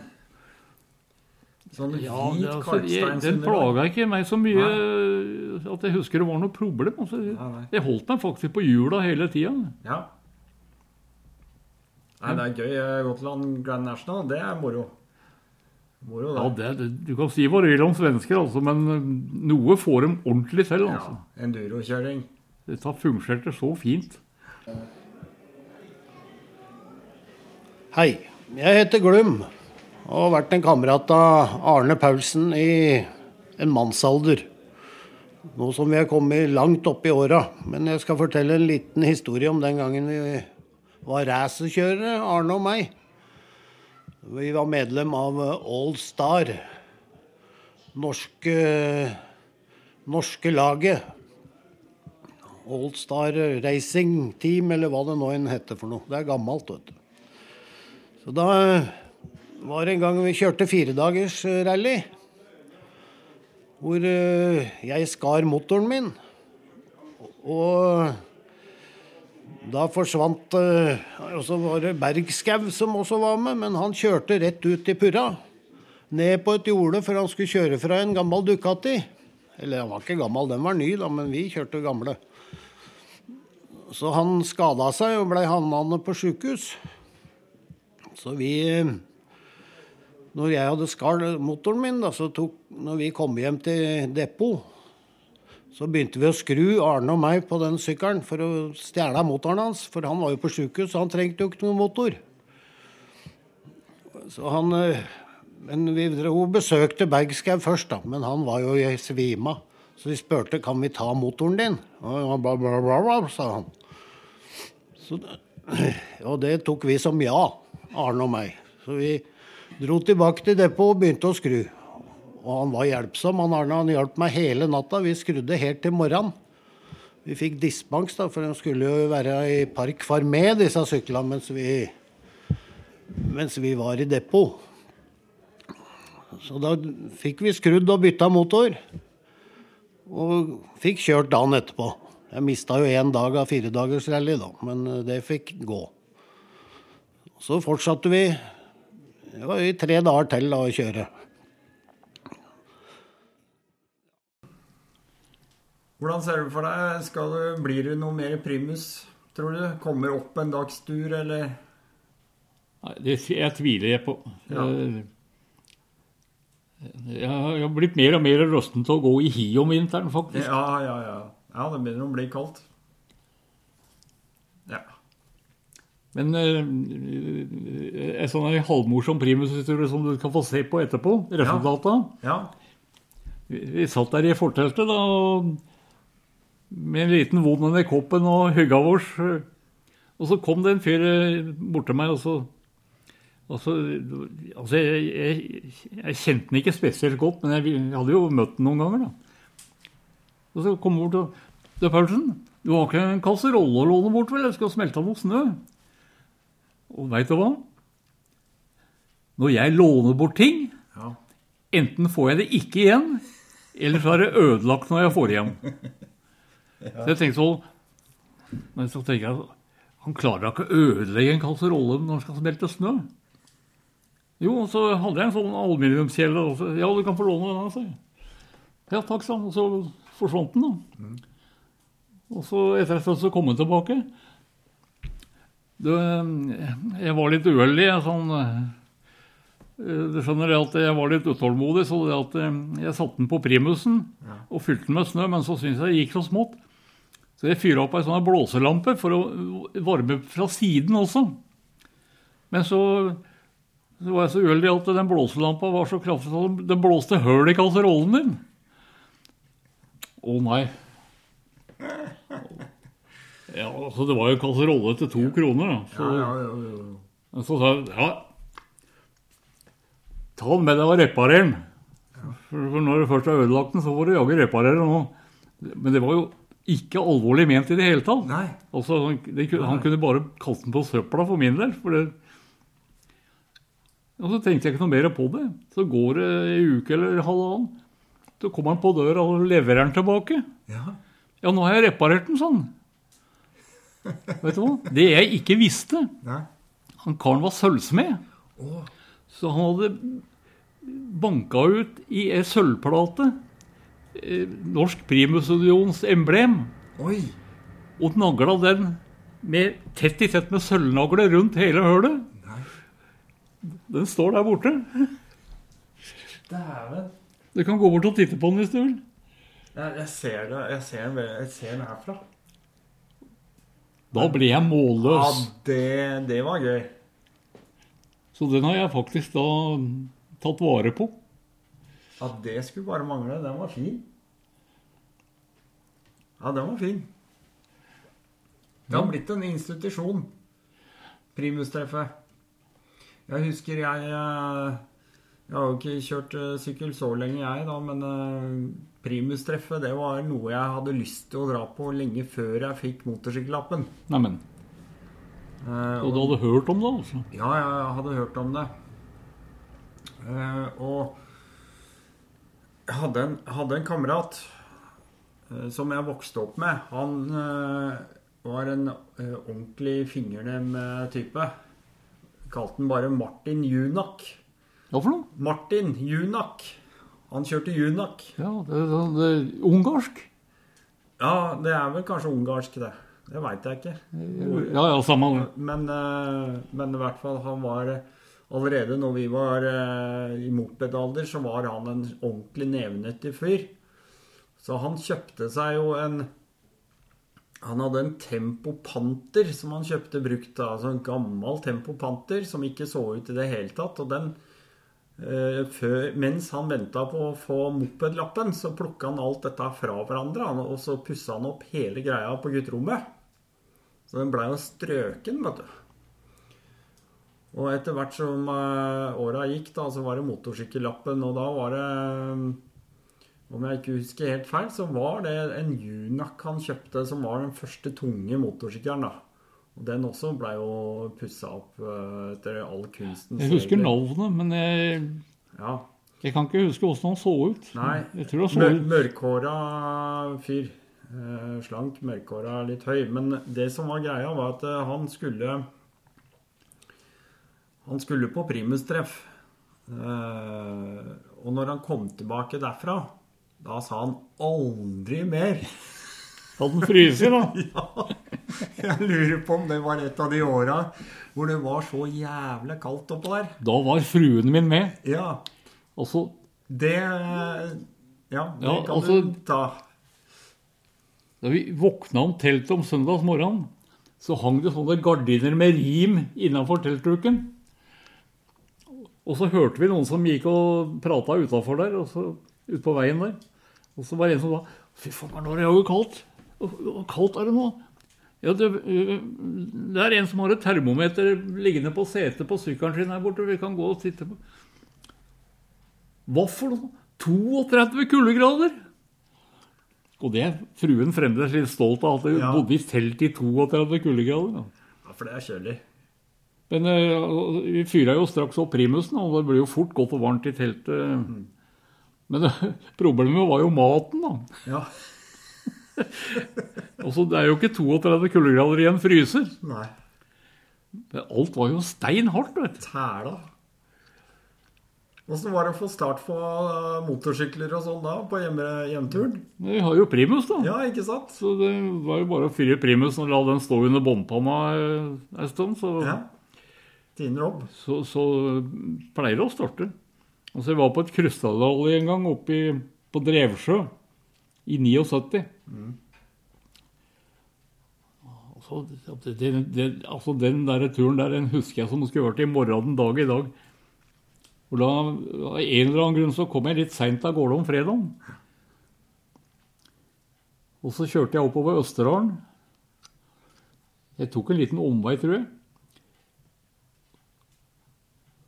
Og så opp noe som heter Misterlia over Isterfossen og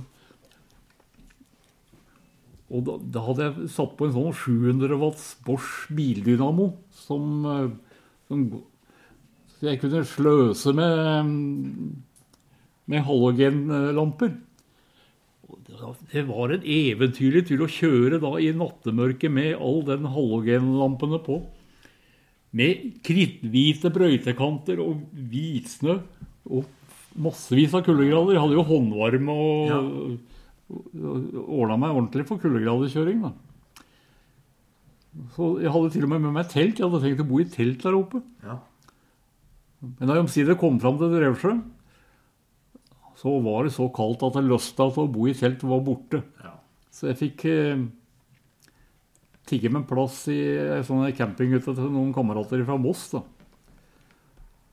Og da vi skulle hjem om søndag, så var det var nesten 40 kuldegrader som om søndagsmorgen. Og da sto primusen en hel time under BMW-motoren. Da hadde jeg en sånn eh, R60-motor som var beintråkka, Ja, ja. ikke selvstarter. Ja. Så den, den sto bom fast, da, så jeg fikk ikke rikka av kikken engang. Men altså, når han hadde stått der en times tid, så, så starta det. Ja, ja. Og da var det så kaldt at jeg hadde ikke Jeg orka ikke å stoppe på veien hjem engang. Nei. Nei, det er Nei, Så jeg har, jeg har sett eh, nok, nok av kuldegrader, altså. Ja. Nei, det er eh, Jeg har, jeg har opplevd mine kuldegrader, jeg også. Det har jeg. Men eh, Og det er tøft, det. Jeg har slutta å kjøre eh, om vinteren. Jeg kjører ikke noe særlig om vinteren lenger. Nei, det, Det, det, det- og det har bare blitt sånn fordi at uh, den saltlakan som er ute på disse veiene rundt her nå, det Den er usunn for redskapen. Det er ikke bra, altså. Det er uh, Det er ikke noe særlig. Det er mye penger å kaste ut i, av vinduet, tenker jeg da. Altså, jeg kjørte jo alt og fram til jobben i alle år, hele året, da. Ja, ja. Og, og jeg husker jeg var en gang Det var en råkald januardag. Da kom jeg bortover Sandegata. Og så på slutten av Sandegata, der jeg tar oppover mot Torshov, ja. der sa Javan bø. Tidlig en, en morgendag. Jeg tror det var 17 kuldegrader og, og sånn nordavind nedover Torshov-dalen. Og så begynner jeg å feilsøke da. ja. Jeg prøvde å bytte noe tennplugg og noe sånt, men Jalan Javaen var helt død. Men da hadde jeg sånn eh, medlemskap i KNA med sånn veihjelp, da. Ja. Så jeg, ringte etter en sånn uh, taubil. da. Men han hadde, hadde nokså mye å gjøre, så jeg ble stående der og, i, i, over en time og vente på han, da. Og det var en kald time. altså. Kaldt.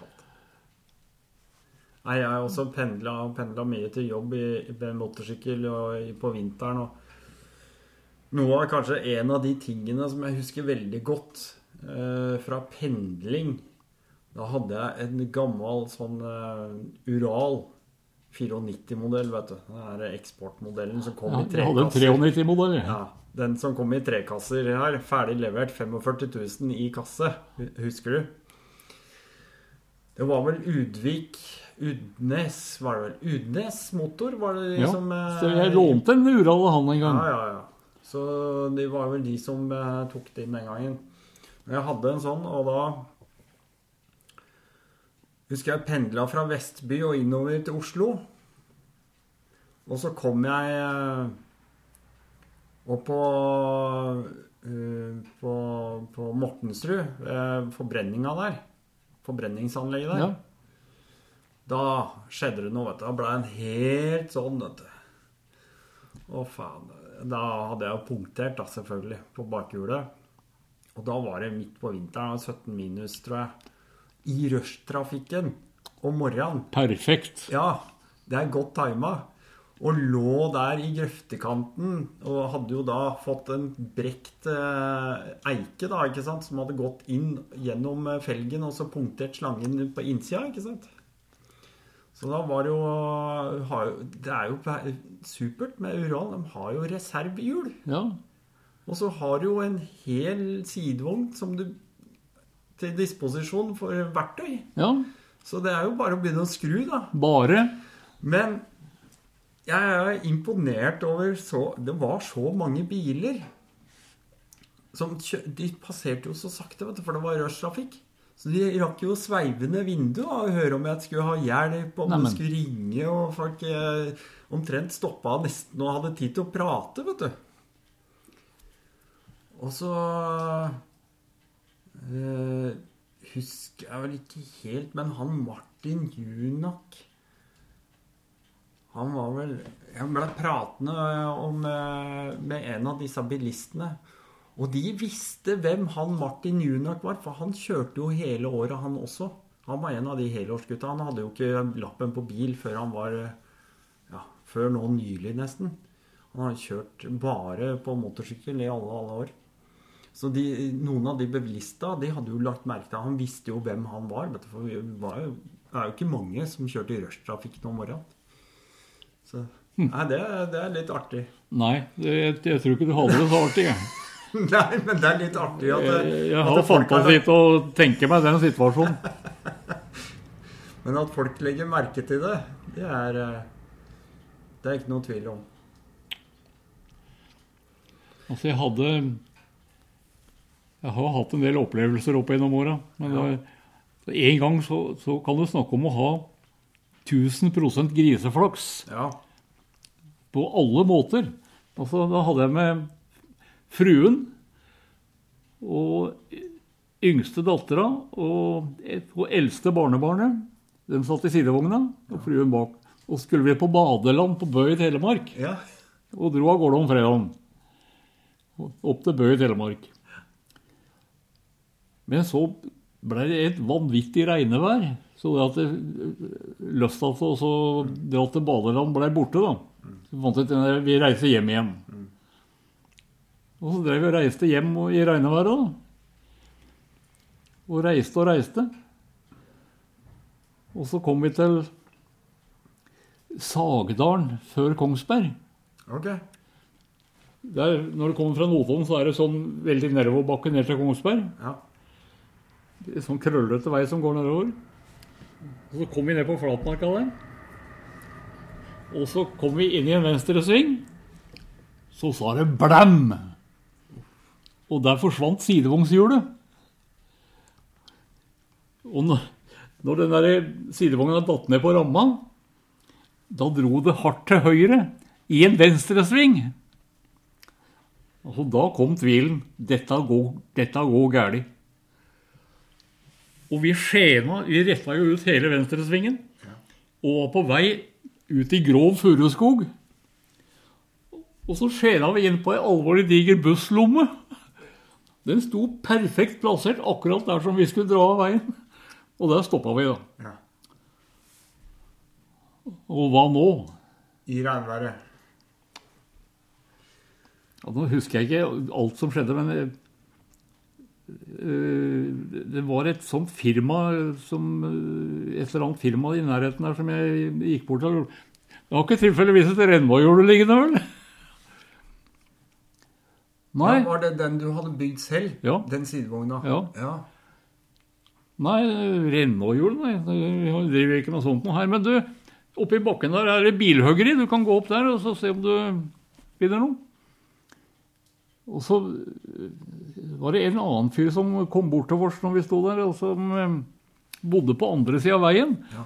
Som hadde en sånn overbygd øh, Eller sånn veranda med, med, med hvor du kunne stå under. da. Så jentene den kom seg under der i den der. da. Ja. Og så rusla jeg opp til bilhuggeren, og der fant jeg et sånt rennehjul. Som jeg kjøpte, da. Men greia var at eh, den derre støtdemperen hadde tatt kvelden, da. For den hadde gått i stykker når jeg landa. Ja, ja. Så jeg ringte til en kamerat i Drammen da, som uh, kom og henta jentene. da. ja. Men, men, så jeg kom meg hjem igjen. Men nå skal du få se hva som hadde skjedd. Sitt stille nå.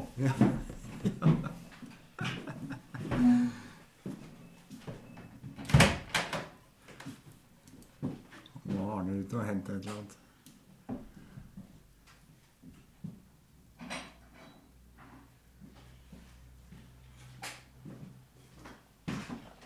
Du kan få en befaring inn på museet der. Ja, ja, ja. Jeg må nesten ha det nå. Hadde, Der, ja. felgen hadde brekt helt i felgen.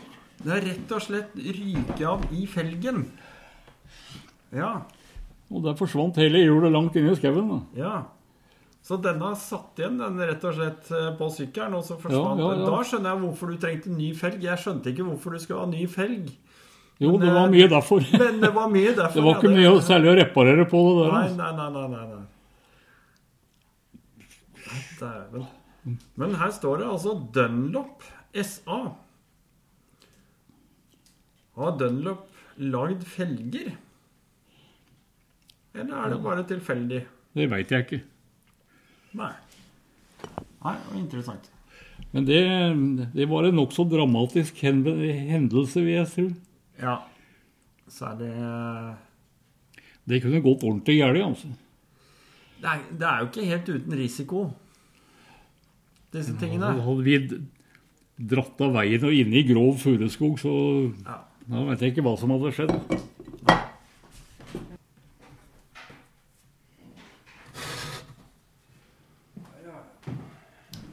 Her ser du den sidevogna som vi lagde. Der er den, ja. Også med tilhenger bak. Og der Ja. har du En av mine racersykler. en av racersyklene, ja. BMW. Kåpa hadde jeg også laga sjøl. Fortell litt om den BMW-en, da. For den har jo tydeligvis vært med deg en stund. Den har vi ikke snakka om. Når Også- også når det- er det du kjøpte den, da? Hmm? Når kjøpte du den? I 71. Ja, Altså, det var um, i et dødsbo. ok. Altså Det var en av de få BMW-ene som ble privat kjøpt i 58. Altså stort sett politi som kjøpte BMW-er, men Ja, ja. denne var privatkjøpt av en gubbe ute på Hurumlandet. Men så gikk han eh, et, etter hvert stand og døde, da. Mm. Men naboen hans, det var en gammel kamerat av meg, som kara seg til den BMW-en. Men han, eh, gubben hadde jo ikke noe mulighet til å skrive noen salgsmelding, da. Nei. Så den eh, var, var jo registrert på den gubben. Og så hvordan jeg fikk kontakt med han, det husker jeg ikke, men eh, jeg fikk kjøpt den BMW-en av han for 2500 kroner.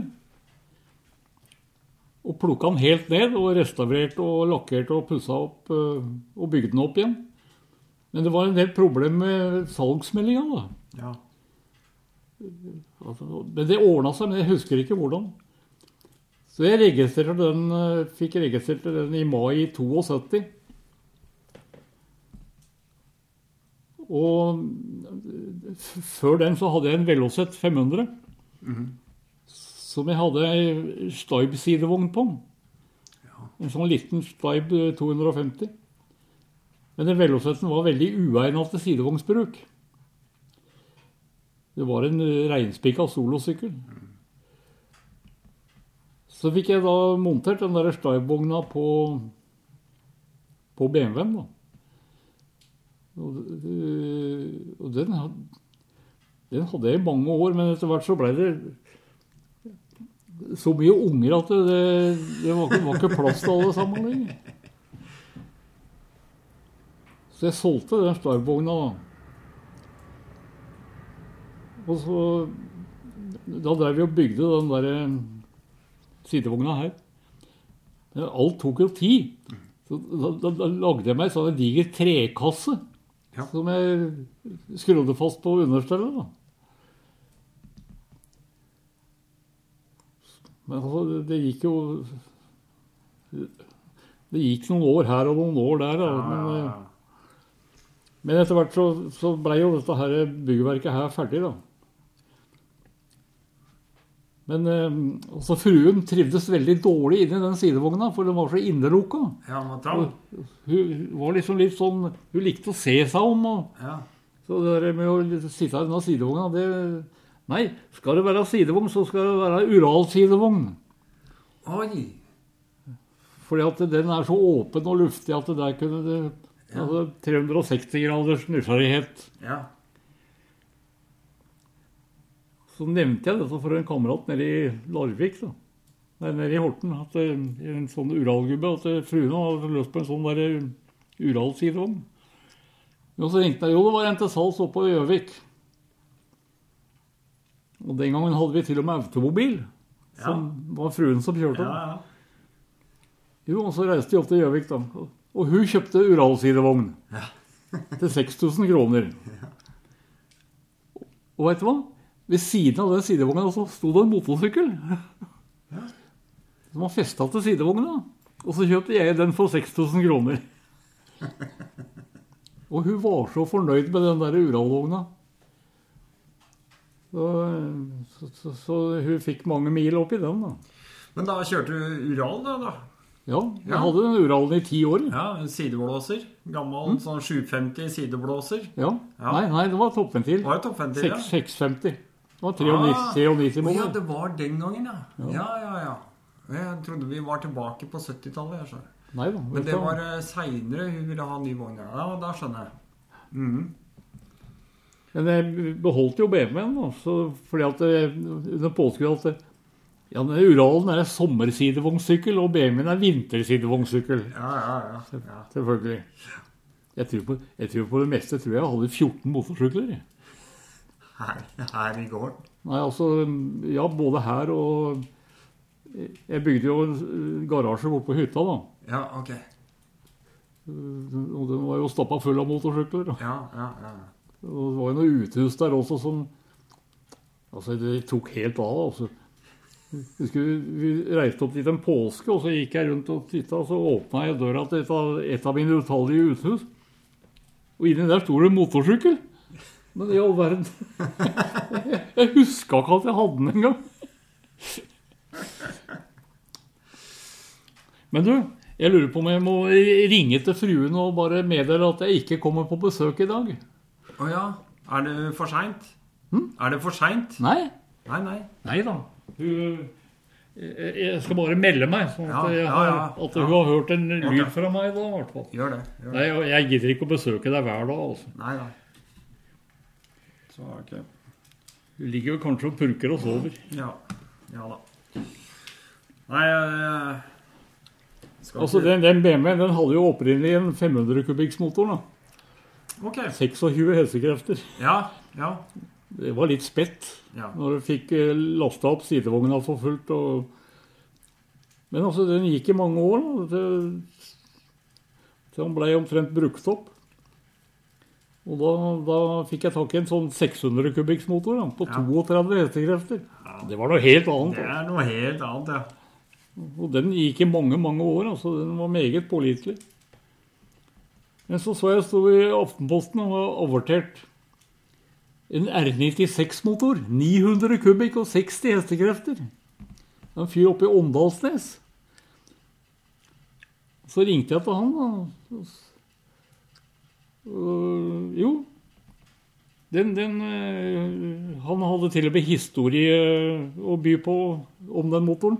Det viste seg at den motoren hadde sittet i en ny BMW som en kamerat av meg i Bergen hadde kjøpt. Så jeg, kunne liksom få dokumentert omtrent alt det han fortalte om den motoren. da. Ja, Nå husker jeg ikke hele historien. Men jeg kjøpte den usett, da. Ja, ja. Og det viste seg at eh, han hadde ikke jugd i det hele tatt. Det var, den motoren var helt perfekt. ja. Så den, eh, den satt i ramma der i alle de åra jeg hadde den etterpå. Men greia var at eh, transmisjon bakover til bakhjulet Ja. var jo dimensjonert ut fra 26 hestekrefter. ja. Riktig. Og så når du får da 60 hestekrefter, så, så sliter det nokså mye på, på utstyret. Så det at det, den spleinsen i kardangen, Den røyk. den ble etter hvert brukt opp. Ja. Men det som var skummelt, det var det at det, slitasjen på den spleisen gikk ikke helt ut. Nei, som ble Så det, når, du, når du så dette her eh, sånn fra sida, så så det helt ålreit ut. Men det var den siste millimeteren bare. Bakafor så var det syltynt. Heldigvis så oppdaga jeg det, da. Ja, ja, ja. Og så var det en fyr jeg kjente litt nede i Tyskland. Hans Balz, hvis du har hørt om han. Nei, det er en nokså kjent uh, tysk Er det han som bygde topper? Det, Har han bygd uh, topper til BMW? det, det kan godt hende. Ja, okay. Han var en formidabel smed og mekaniker. Ja, okay. Så jeg sendte den kardangen ned til han, da. Så han uh, bytta ut den derre splensen med sånn um, sånn hardmetallgreier. Mm. Og det kosta Jeg tror han tok 5000 kroner for den jobben, men, Ja, ja. men, men det var verdt penga, da. Så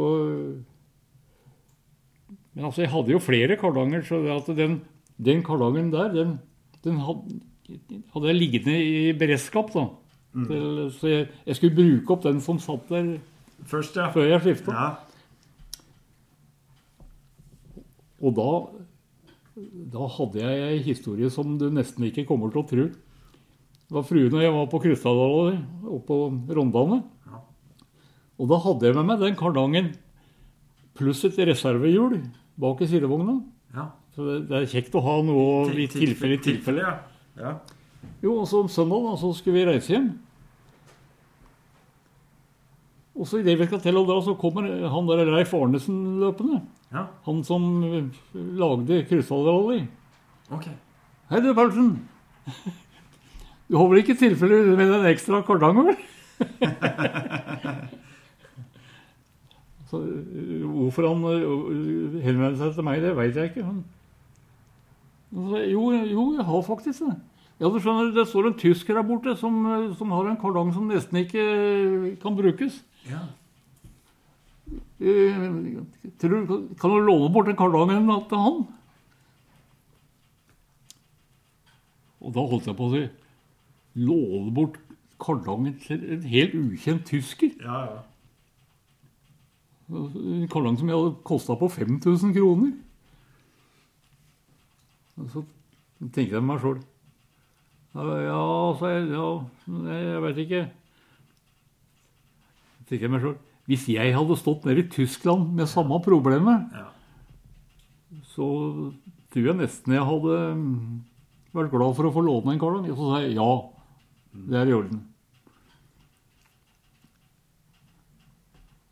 Så, han fikk lån den kardangen. Og jeg tror det var tirsdagen etter, etter ja, så kom han og leverte den på døra her, faktisk. Ser du det?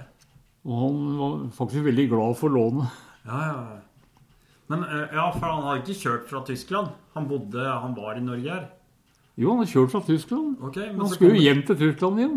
Ja, Men eh, det er jo ikke så langt ned til Kiel-ferja her, da. nei, sånn ja. Så den der, eh, han hadde antagelig bytta tilbake til sin nesten ubrukelige kardang da, for Ja, ja, å komme ja, seg ja. til ferja, om ikke annet. Ja. Nei, De kan være litt upålitelige, de der, eh, noen av de kardangene på BMW. I hvert fall når du har gått en eh, del tusen. Har hatt eh, Ja, Det varer ikke evig. Nei da, det gjør ikke det, men det er ikke akkurat som kjede og drev.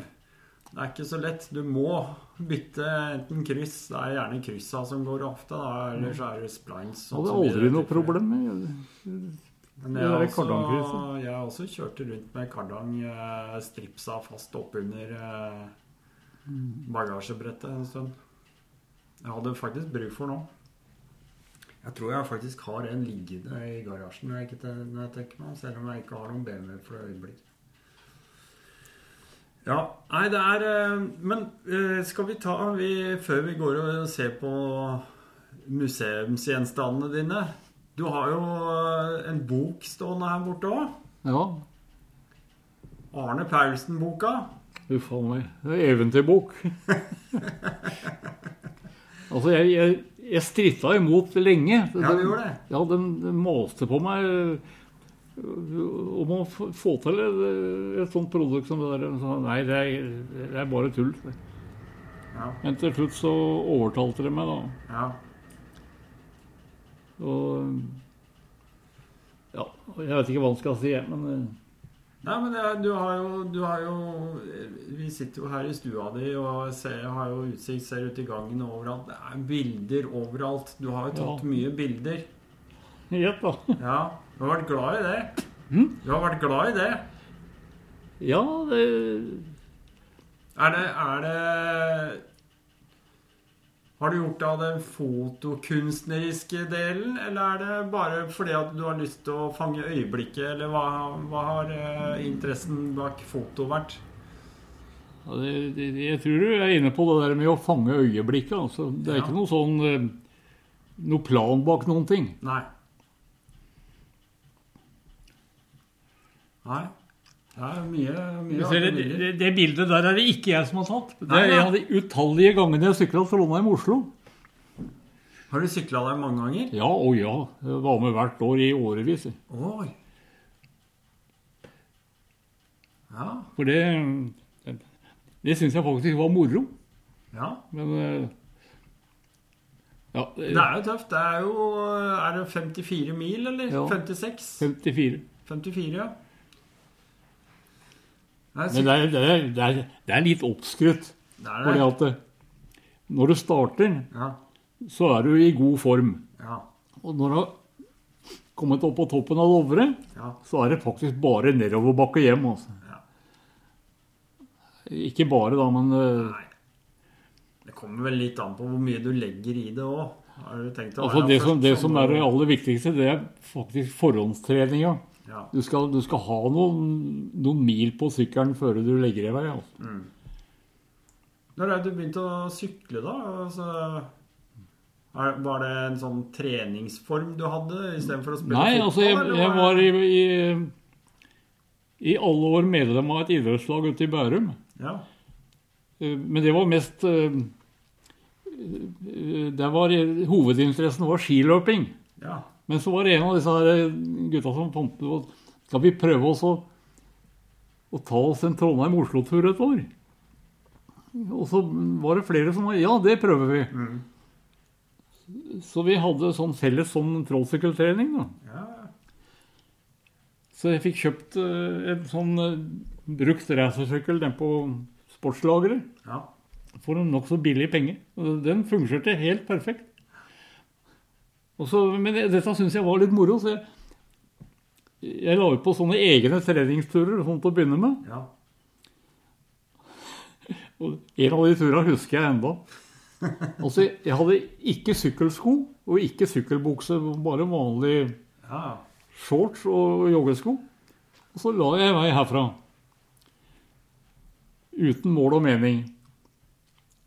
Og så kom jeg etter hvert utover på Hurumlandet. Og så rota jeg meg bort på Hurumlandet. Så etter hvert så fikk jeg knota meg ned til Drammen. da. Og så, jeg, og så da jeg kom til Drammen, så begynte jeg å bli både sulten og tørst og sliten. Og vondt i rumpa og i det hele tatt Det var ikke noe særlig eh, moro lenger. Men, men så er det jo fire mil fra Drammen og hjem, da. Og opp de gamle Liebakkene. Ja, ja, ja, ja. Takk for talen. Og så, og så passerte jeg Liekroa. ja. Og der var det sånn utblåsning fra kjøkkentjenesten. og der dufta det de lekreste rettene. Og jeg hadde ikke med meg fem øre. Og så På slutten så husker jeg at Ramstadsletta var nokså bratt. Ja, ja, ja. ja. ja. Jeg var veldig ivrig på sånn der sportslig Du ser det der vikingskipet der? ja. Det er et sånt trofé jeg fikk. Ja, for der har du løpt, gått på ski og sykla. Ja, Og det fikk du når du hadde gjort alle de øvelsene hvert år i fem år på rad. Altså, jeg løp maraton, og så var det nimila på ski, og så var det Trondheim-Oslo. Ja. Så jeg er litt stolt av den der. ja, det skal du være. Den har kosta meg en svettedråpe eller to. Ja, absolutt. Absolutt. Nei, Men, men greia er at altså, dette her, Hvor mange år jeg holdt på med dette i det hele og store, det husker jeg ikke. Men altså, jeg innbilte meg det at det- siden jeg var så godt trent og i så god form og sånn, så, så får du et evig liv. Altså, Ja, ja. Du blir aldri sjuk når du er i, ja, i så god form. Jeg tror at for tolv år siden eller noe sånt nå, så sa det blæm! Og fikk et solid hjerteinfarkt. Oh, ja, sier du det, ja? Og ble hasteoperert på Ullevål sykehus. Du, det Lå på sykehuset i 14 dager. stemmer, det husker jeg, ja. Så det at eh, For det om du trener og er i god form, så kan det gå dårlig allikevel. Så det var, det tror jeg var på hengende hekta for dem. Jeg var oppe på undersøkelse da, på Ullevål sykehus. Og så halv sju morgenen etterpå så ringer de. Paulsen, kom straks og med en gang. Nå er de klare med, med motorsag og verktøy her til å operere. Så jeg tok Javan og råkjørte opp til Ullevål sykehus og klampa inn på operasjonssalen med hjelmen under armen. er det her du driver og opererer hjerter, eller? Ja, få av deg fillene og kom deg i dusjen med en gang. Og jeg rakk ikke å bli bekymra engang før jeg var langt inne i Legoland. Oi, oi, oi. Og så uh, Fruen var og tok bilde av meg etter at hele greia var ferdig. Da, da, da ligger jeg i senga, og da ser det ut som de har tømt en bolle med spagetti over brøstet på meg. Det var slanger og ledninger og greier over hele meg.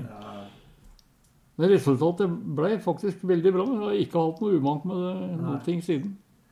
Jeg husker jo, jeg var på primustreff da, og det var en stor snakkis, akkurat det der at du hadde fått et hjerteinfarkt. Husker jeg ble mye prata om. Du veit jo åssen slagba går oppå der. Det går jo fra det ene bollet til det andre, det. Men det var en, en, en av gutta fra Larvik, en som heter Borge Kristiansen. Han fikk hjerteinfarkt oppå primustreffen. Ja. Husker du det? Nei, jeg husker ikke, men jeg har hørt om det. Han, men han kjørte da til sykehuset på Hønefoss. Og så gikk han av BMW-en. Og så gikk han inn døra på sykehuset, og så gikk han rett i gulvet. Klappa han sammen. Så han rakk det akkurat. Men han ble bra igjen. Han, Ja, merkelig greier. Har du noen andre sånne historier fra Primus, da? ja, det er 1000. Ja, det er tusen. Jeg tror ikke vi skal, jeg tror ikke vi skal ramse opp alle dem. Nei, det, det blir for mye Ja, gode. ja, ja, ja. Nei, det skjønner jeg godt. Det skjønner jeg godt. Skal vi, skal vi ta og gå inn og uh, kikke litt? jeg, må ta, jeg må ta et bilde av deg mens du sitter der først. Da, så jeg har eh, eh, Så jeg har fått foreviget eh, det også. Ja, da blir det bra, vet du. Må ta noen bilder. Jeg tar med denne inn, jeg, så kan vi snakke litt samtidig. Ja, gjør som du kan. Ja.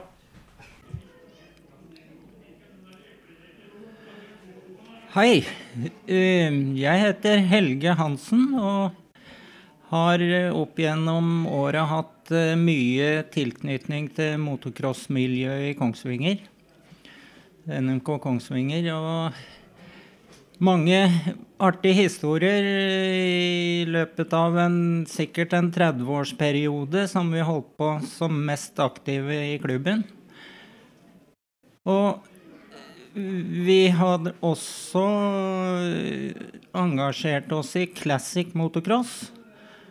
Som eh, en eh, aktiv kjører fra, fra 60-tallet, Bjørn Rotheim, klarte å dra i gang et ordentlig aktivt classic-miljø. Og så fylte NMK Kongsvinger 40 år i 1996.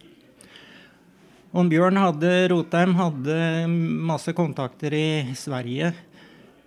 Og, og miljøet i, i crossen der borte.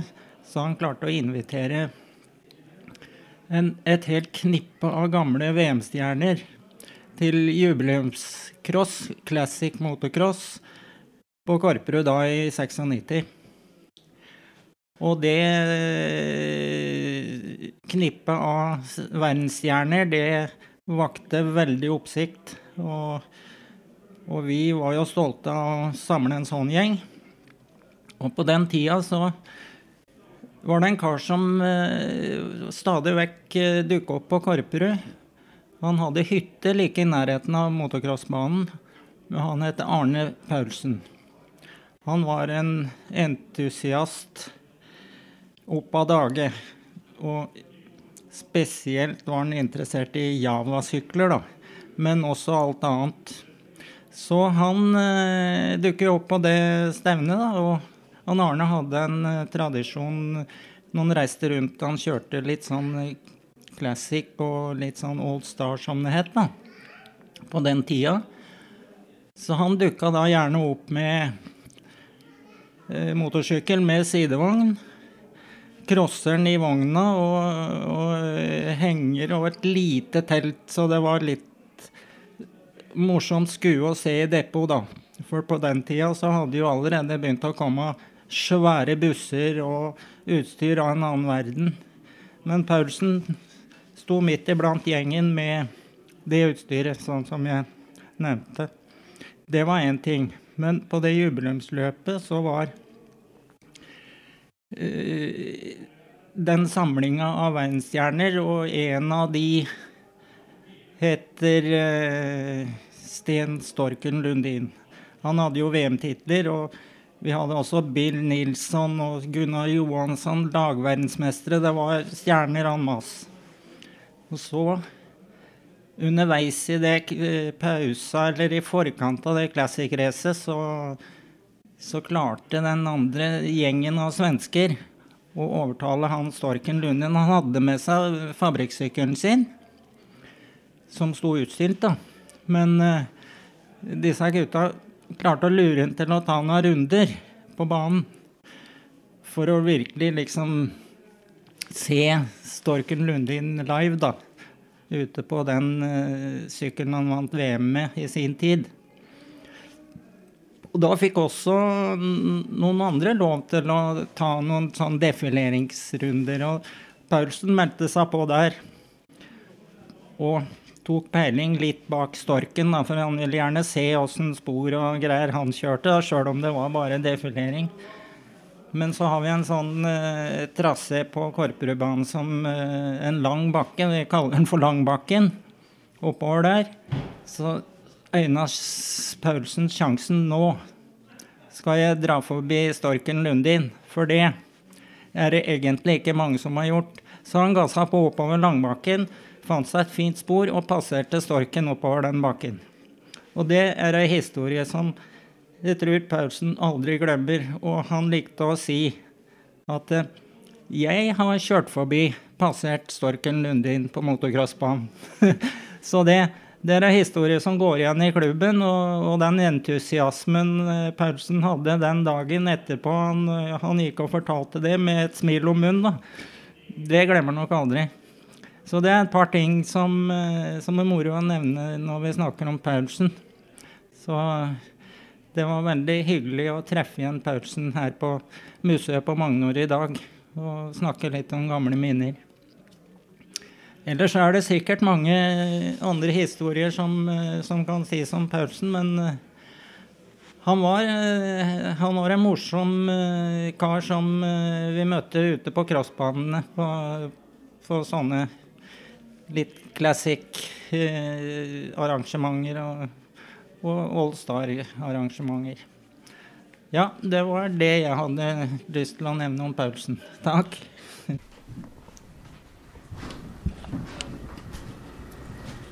Her,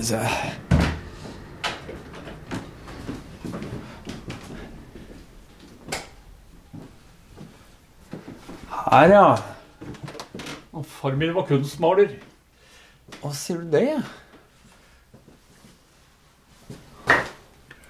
Her er noe vinterkjøring. Er dette det løpet, eller?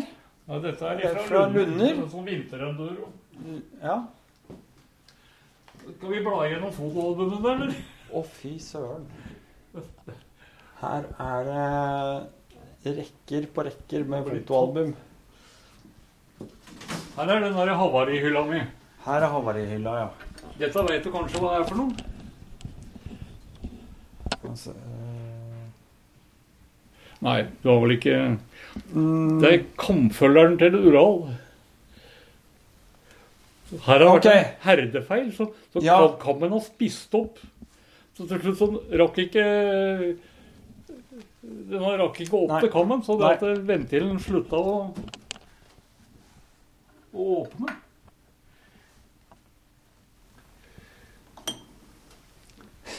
Der var det høl i det stempelet der. Dette er en Triumph Bonneville.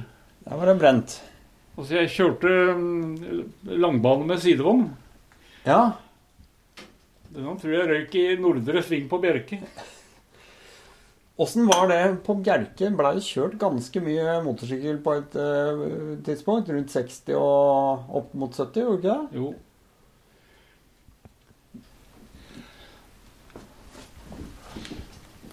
Dette er fra Gotland. Ja, der er det meg og Nei, Trandum står det der. Trandum Grand National. Ja, det var siste året de arrangerte det. For Ok. at de skulle lage flyplass der. Mm.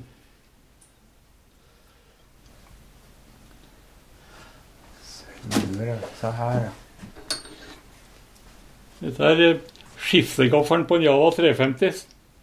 Den røyk på vei til Trollrally i 65. Og da virka ikke girkassa lenger.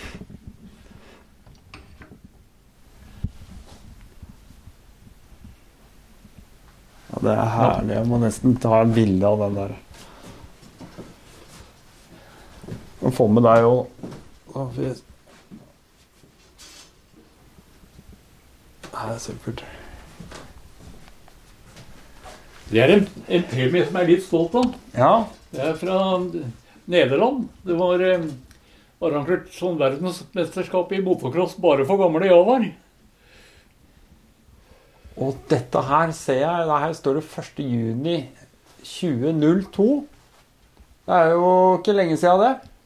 Nei, det er ikke mer enn 20 år siden.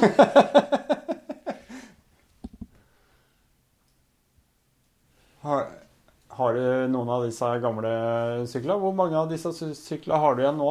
Ingen. Ingen, bortsett Ja, fra bare den ene som står der. står bare der. og så scooteren. Akkurat. Her er også et bilde fra mine, mine glansdager som racerkjører. Norton Kommando. Er det fra langbane, eller? Ja. Det, Det ser ganske Bru Bruvollen vel var et sånt norgesmesterskap i langbanekjøring. Det er heftig, altså. Det der ser så kult ut. Det var nesten på sånn der, ja. Supert. Men her skal du se noe som jeg nesten er aleine om å ha, tror jeg. Ja. Dette er en miniatyrflaske som det står Blüch A. Det er Det Blücher-olje. er olje fra Blücher. Ja, ja, ja. Det var en jeg kjente som vet ikke om du husker han der i Atle Modeller Varmedal. Nei, jeg gjør nok ikke det, altså. Nei, det er En gammel racerkjører. Ja, Han er død for mange år siden nå. ja, Han hadde tenkt å selge det som suvenir, ja. men det fikk han ikke lov til. Nei. Men han hadde eh, fått tak i litt grann sånn olje, så jeg fikk en sånn flaske. han. Det lukter på den. Det lukter litt Den øh, Åh. Lukter litt sånn øh, Hva skal jeg si at det lukter av? Litt brent, men Det er spesielt altså. Veldig spesielt. Akkurat, det lukter maskinrom, rett og slett. Ja. Ja, det var, det var faktisk spesielt. Og her er Trollrally. Spesialpris. Deltaker på Trollrally nummer én. Og 50. Ja, Dette var i altså, 2014, ja. Jeg, jeg var både på det første og det femtiende. Ja, den, den der har jeg også. Vet du. Ja. Jeg har ikke, jeg har ikke hele den, men jeg, jeg har den nåla, den pinnen. Ja. Mye pokaler her. ja, det er jo premiesamlinga mi. Men altså, du hadde jo Her, denne her er jeg litt stolt av. Ja.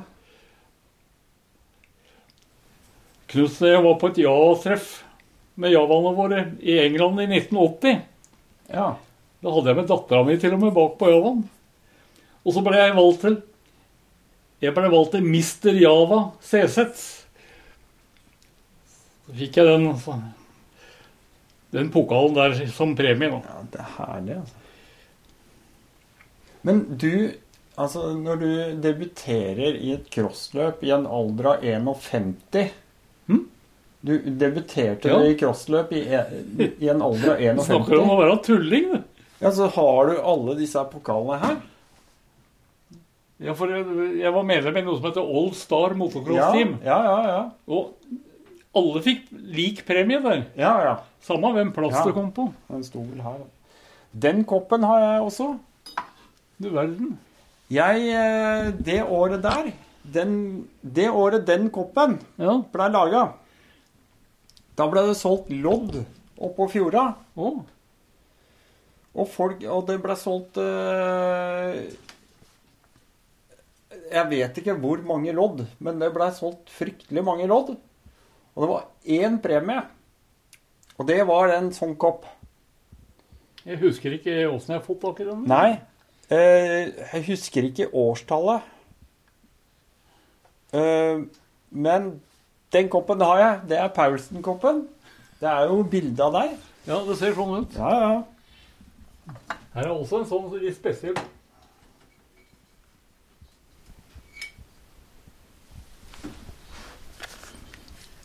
Krystallrally 72. ja. Det var eh, oppe i Røros. Der fikk jeg den pokalen der. Lengst kjørte distanse med minste sykkel. Aha. Det morsomme var at han som kom på annenplass, Ja. han bodde Den gangen så bodde jeg på Nordstrand. ja. Han bodde to stasjoner nærmere på Ekebergbanen enn meg. Jeg, jeg slo med én kilometer. Du slo med en kilometer, ja. Ah. Det er herlig. Og BMW og Det er moro, da. Her er jo 18 av øl. Ja, det, det fikk jeg. 18 av 18 av mopedøl. Den har jeg ikke hatt hjerte til å åpne en Nei, det skjønner jeg godt. Den har jeg ikke sett før. Jeg fikk den av en kamerat for mange år siden. Jæsla. Her er det til og med annenplass i trailløp på Trollerally. 1970.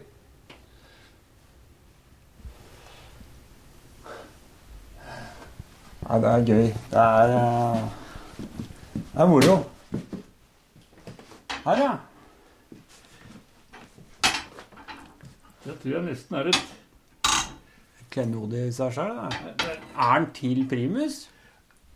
Ja er et vaffeljern. Ja. Fastmontert på primus. Det er faktisk brukt en gang nå. Jøss. Og det der, ja. Hva er det for et jern, da? Ja, det er sånn uh, oh, ja. Goro-jern. Ja, Goro.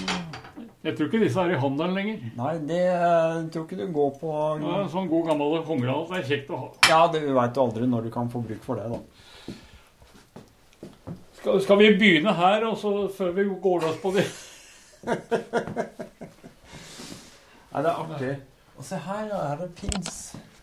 Det har blitt en del treff opp gjennom åra. Ja, du kunne ikke bære det, alt dette på vesten. Da hadde jo ramla av til slutt. Men det er jo Det er jo mange treff som det ikke er merker fra òg, da. Sånn som Primus-treffen har jo ikke et sånt eget merke. Nei, det har vel blitt solgt noen klistremerker og sånn. Ja, men ikke Eh. De har jeg noen av. Dette er fra forskjellige idrettsarrangementer. Lieklassikerne, ja. 2002 og 2001, ja. 2000. Men de to merkene der, Ja, hva er det? det tror jeg, er, jeg tror jeg er den eneste i Skandinavia som har dem. Dragon Rally Dragon Rally i Wales. av 1970 og 71. Altså, det, altså de der tura dit Jeg skjønner ikke at det gikk bra. Altså, jeg kjørte Java. da. Er det den første Er dette trollrallypinnen fra 1966? Altså, Er jeg, jeg mista det der fra 1965. Så jeg, jeg har to stykker fra 66 isteden. Sånn, ja. Jeg juksa litt der, da. ja. Men var 65 det første? Ja, ja. Først, og det, da hadde dere pinn da også? Mm? Hadde dere pins da også, egentlig? ja. Ja. Mm. Novemberløpet.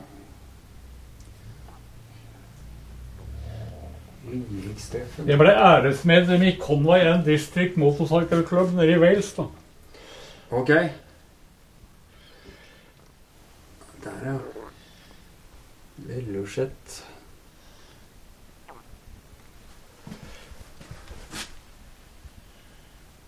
Firedagers enduro i Uppsala. Det var også et sånt svensk arrangement som var helt fantastisk. Altså. Mm. Gotland og Grand National.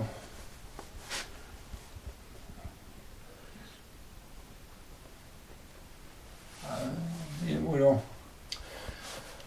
Det hadde vært mye moro opp gjennom åra. Denne hjelmtypen her tror jeg har gått av moten. Ja, den er, den er ikke så synlig lenger, i hvert fall. Jeg, jeg har faktisk brukt den noen ganger. Ja, Du må nesten ta den på deg, så skal jeg ta bilde.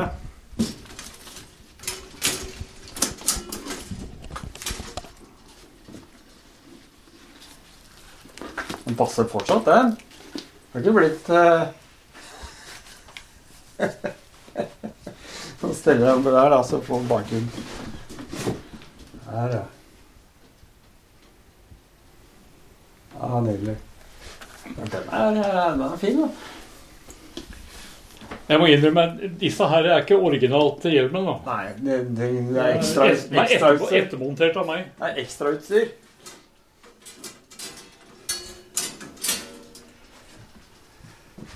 Ja. Det er mye moro. Her er uh, Uralen, da. Ja. Mm. Og her er jo en uh, Nei, det, er, det er ikke min. Nei.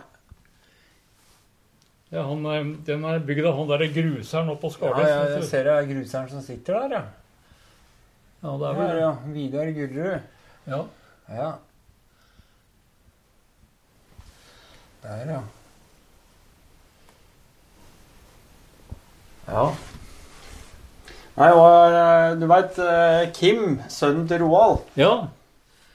han kjørte jo eh, noen år, så hadde han jo en gammel Ural, han også.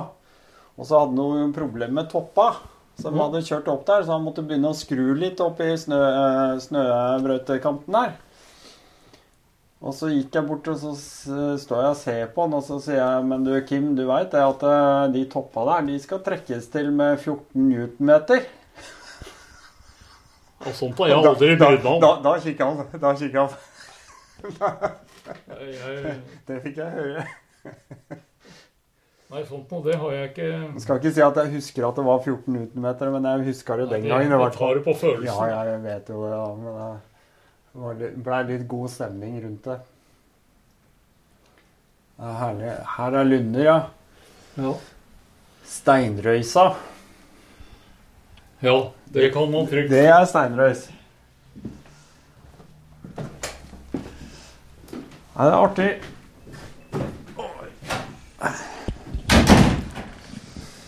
Nei, jeg tror vi eh, Vi har jo fått snakka ganske mye og tatt opp ganske mye nå, da. Ja, det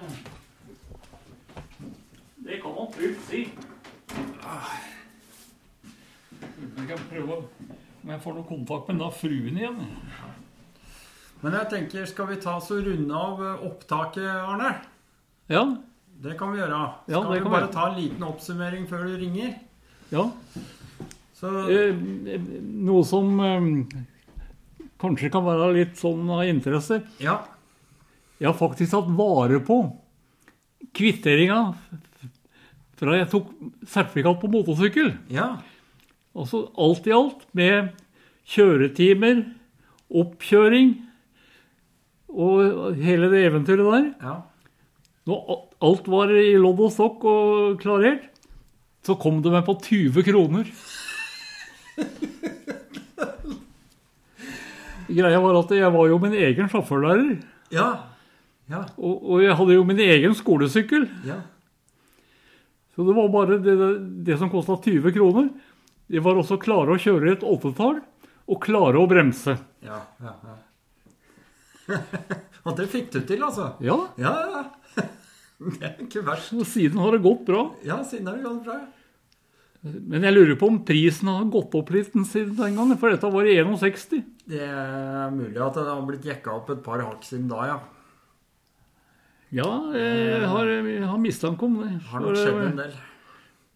Hun der eldste dattera vår hun har en sønn som er 17 år nå, Ja. som uh, tok motorsykkelsertifikat i år. Ja. Jeg, prata om var det mellom 20 000 og 30 000 kroner. Ja, det stemmer det. Stemmer nok det. Det er svina dyrt. Nei, sånn er det blitt. Sånn er det blitt. Men det er ikke noe slik på noen ting lenger. Nei, det er ikke det. Ikke er motorsyklene som de var før heller. Vet du hva? Men jeg så du Jeg har sett et lite filmklipp av deg. Da var du på Lazy Boys bare for noen år sia. Og så fikk du prøvekjøre en Royal Infi- Jeg prøvekjørte tre eh, stykker av det. Ja. Tre modeller. Og da har jeg sett et lite klipp av deg, et videoopptak, hvor du snakker om den nye Interceptoren du hadde kommet med. Var du fornøyd, eller? Nei. Nei, det var ikke det. Det var én av dem. Ja. Det minste av dem, en 350 tror jeg det var. ja. Den var for meg helt perfekt. Mm. Og så jeg, jeg tror jeg hadde en rundtur med den en dag på ca. 40 mil uten å stoppe. Mm. Ja. Og uten å fylle bensin. Ja. Og uten å ha vondt noen steder. Ja. Altså, Den var så komfortabel og god å kjøre. at det, Ja.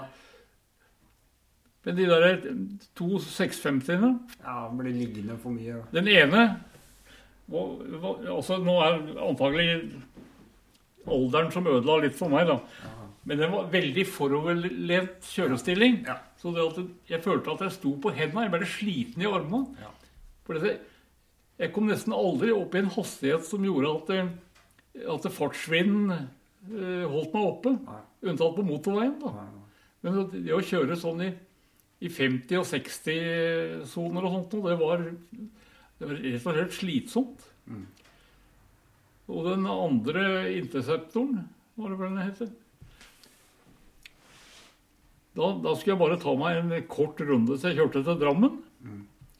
Og så opp Lierdalen og over Solhjøgda.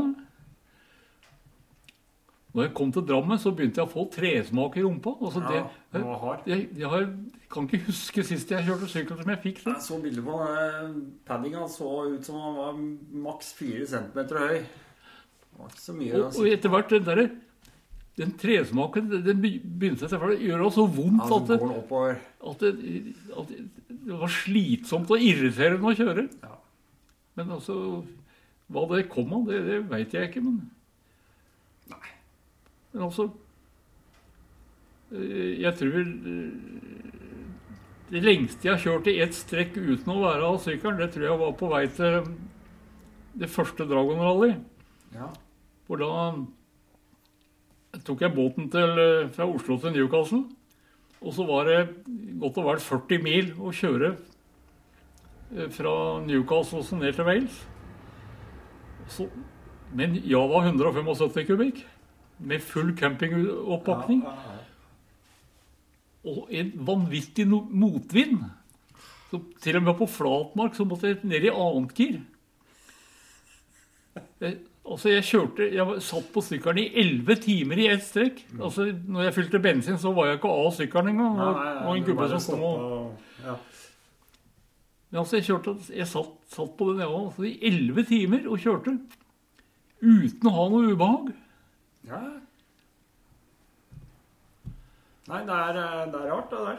Det er, jeg syns det er veldig rart, og jeg syns det er fantastisk merkelig også at uh, moderne sykler i dag med kåper og uh, halvkåper eller vindskjermer eller hva det er for noe De vindskjermene Altså, kåper funker jo, det er ikke det jeg mener, men, men en vindskjerm, en liten vindskjerm At det ikke ja, det er blitt helt, helt avhengig av. Ja. Ja, men at det ikke virker bedre på en original sykkel. Det syns jeg er rart. Der kan jeg godt fortelle deg. Jeg lånte en gang en eh, Honda Afrika Twin. Ja. Den var helt håpløs. For der satt vindskjermen satt altfor langt fram. Ja. Så det at det, når du satt alminnelig og kjørte, så kom det sånn turbulens. Det, det rumla. ja. Smeller i øra. Også, men hvis jeg lente meg litt fram, så ble det borte. Men hvis Ja. du satt sånn som du egentlig skal sitte Mm. At de ikke har funnet ut det på fabrikken. altså Prøvekjørt dette. og... Ja, det er, det er ganske rart. Nei, det skal ikke, vi lar ikke det være et tema. Men du, jeg, før jeg avslutter, tusen hjertelig takk, eh, Arne. For hva da? For kaffen. en skarve kaffe! Ja, det var herlig.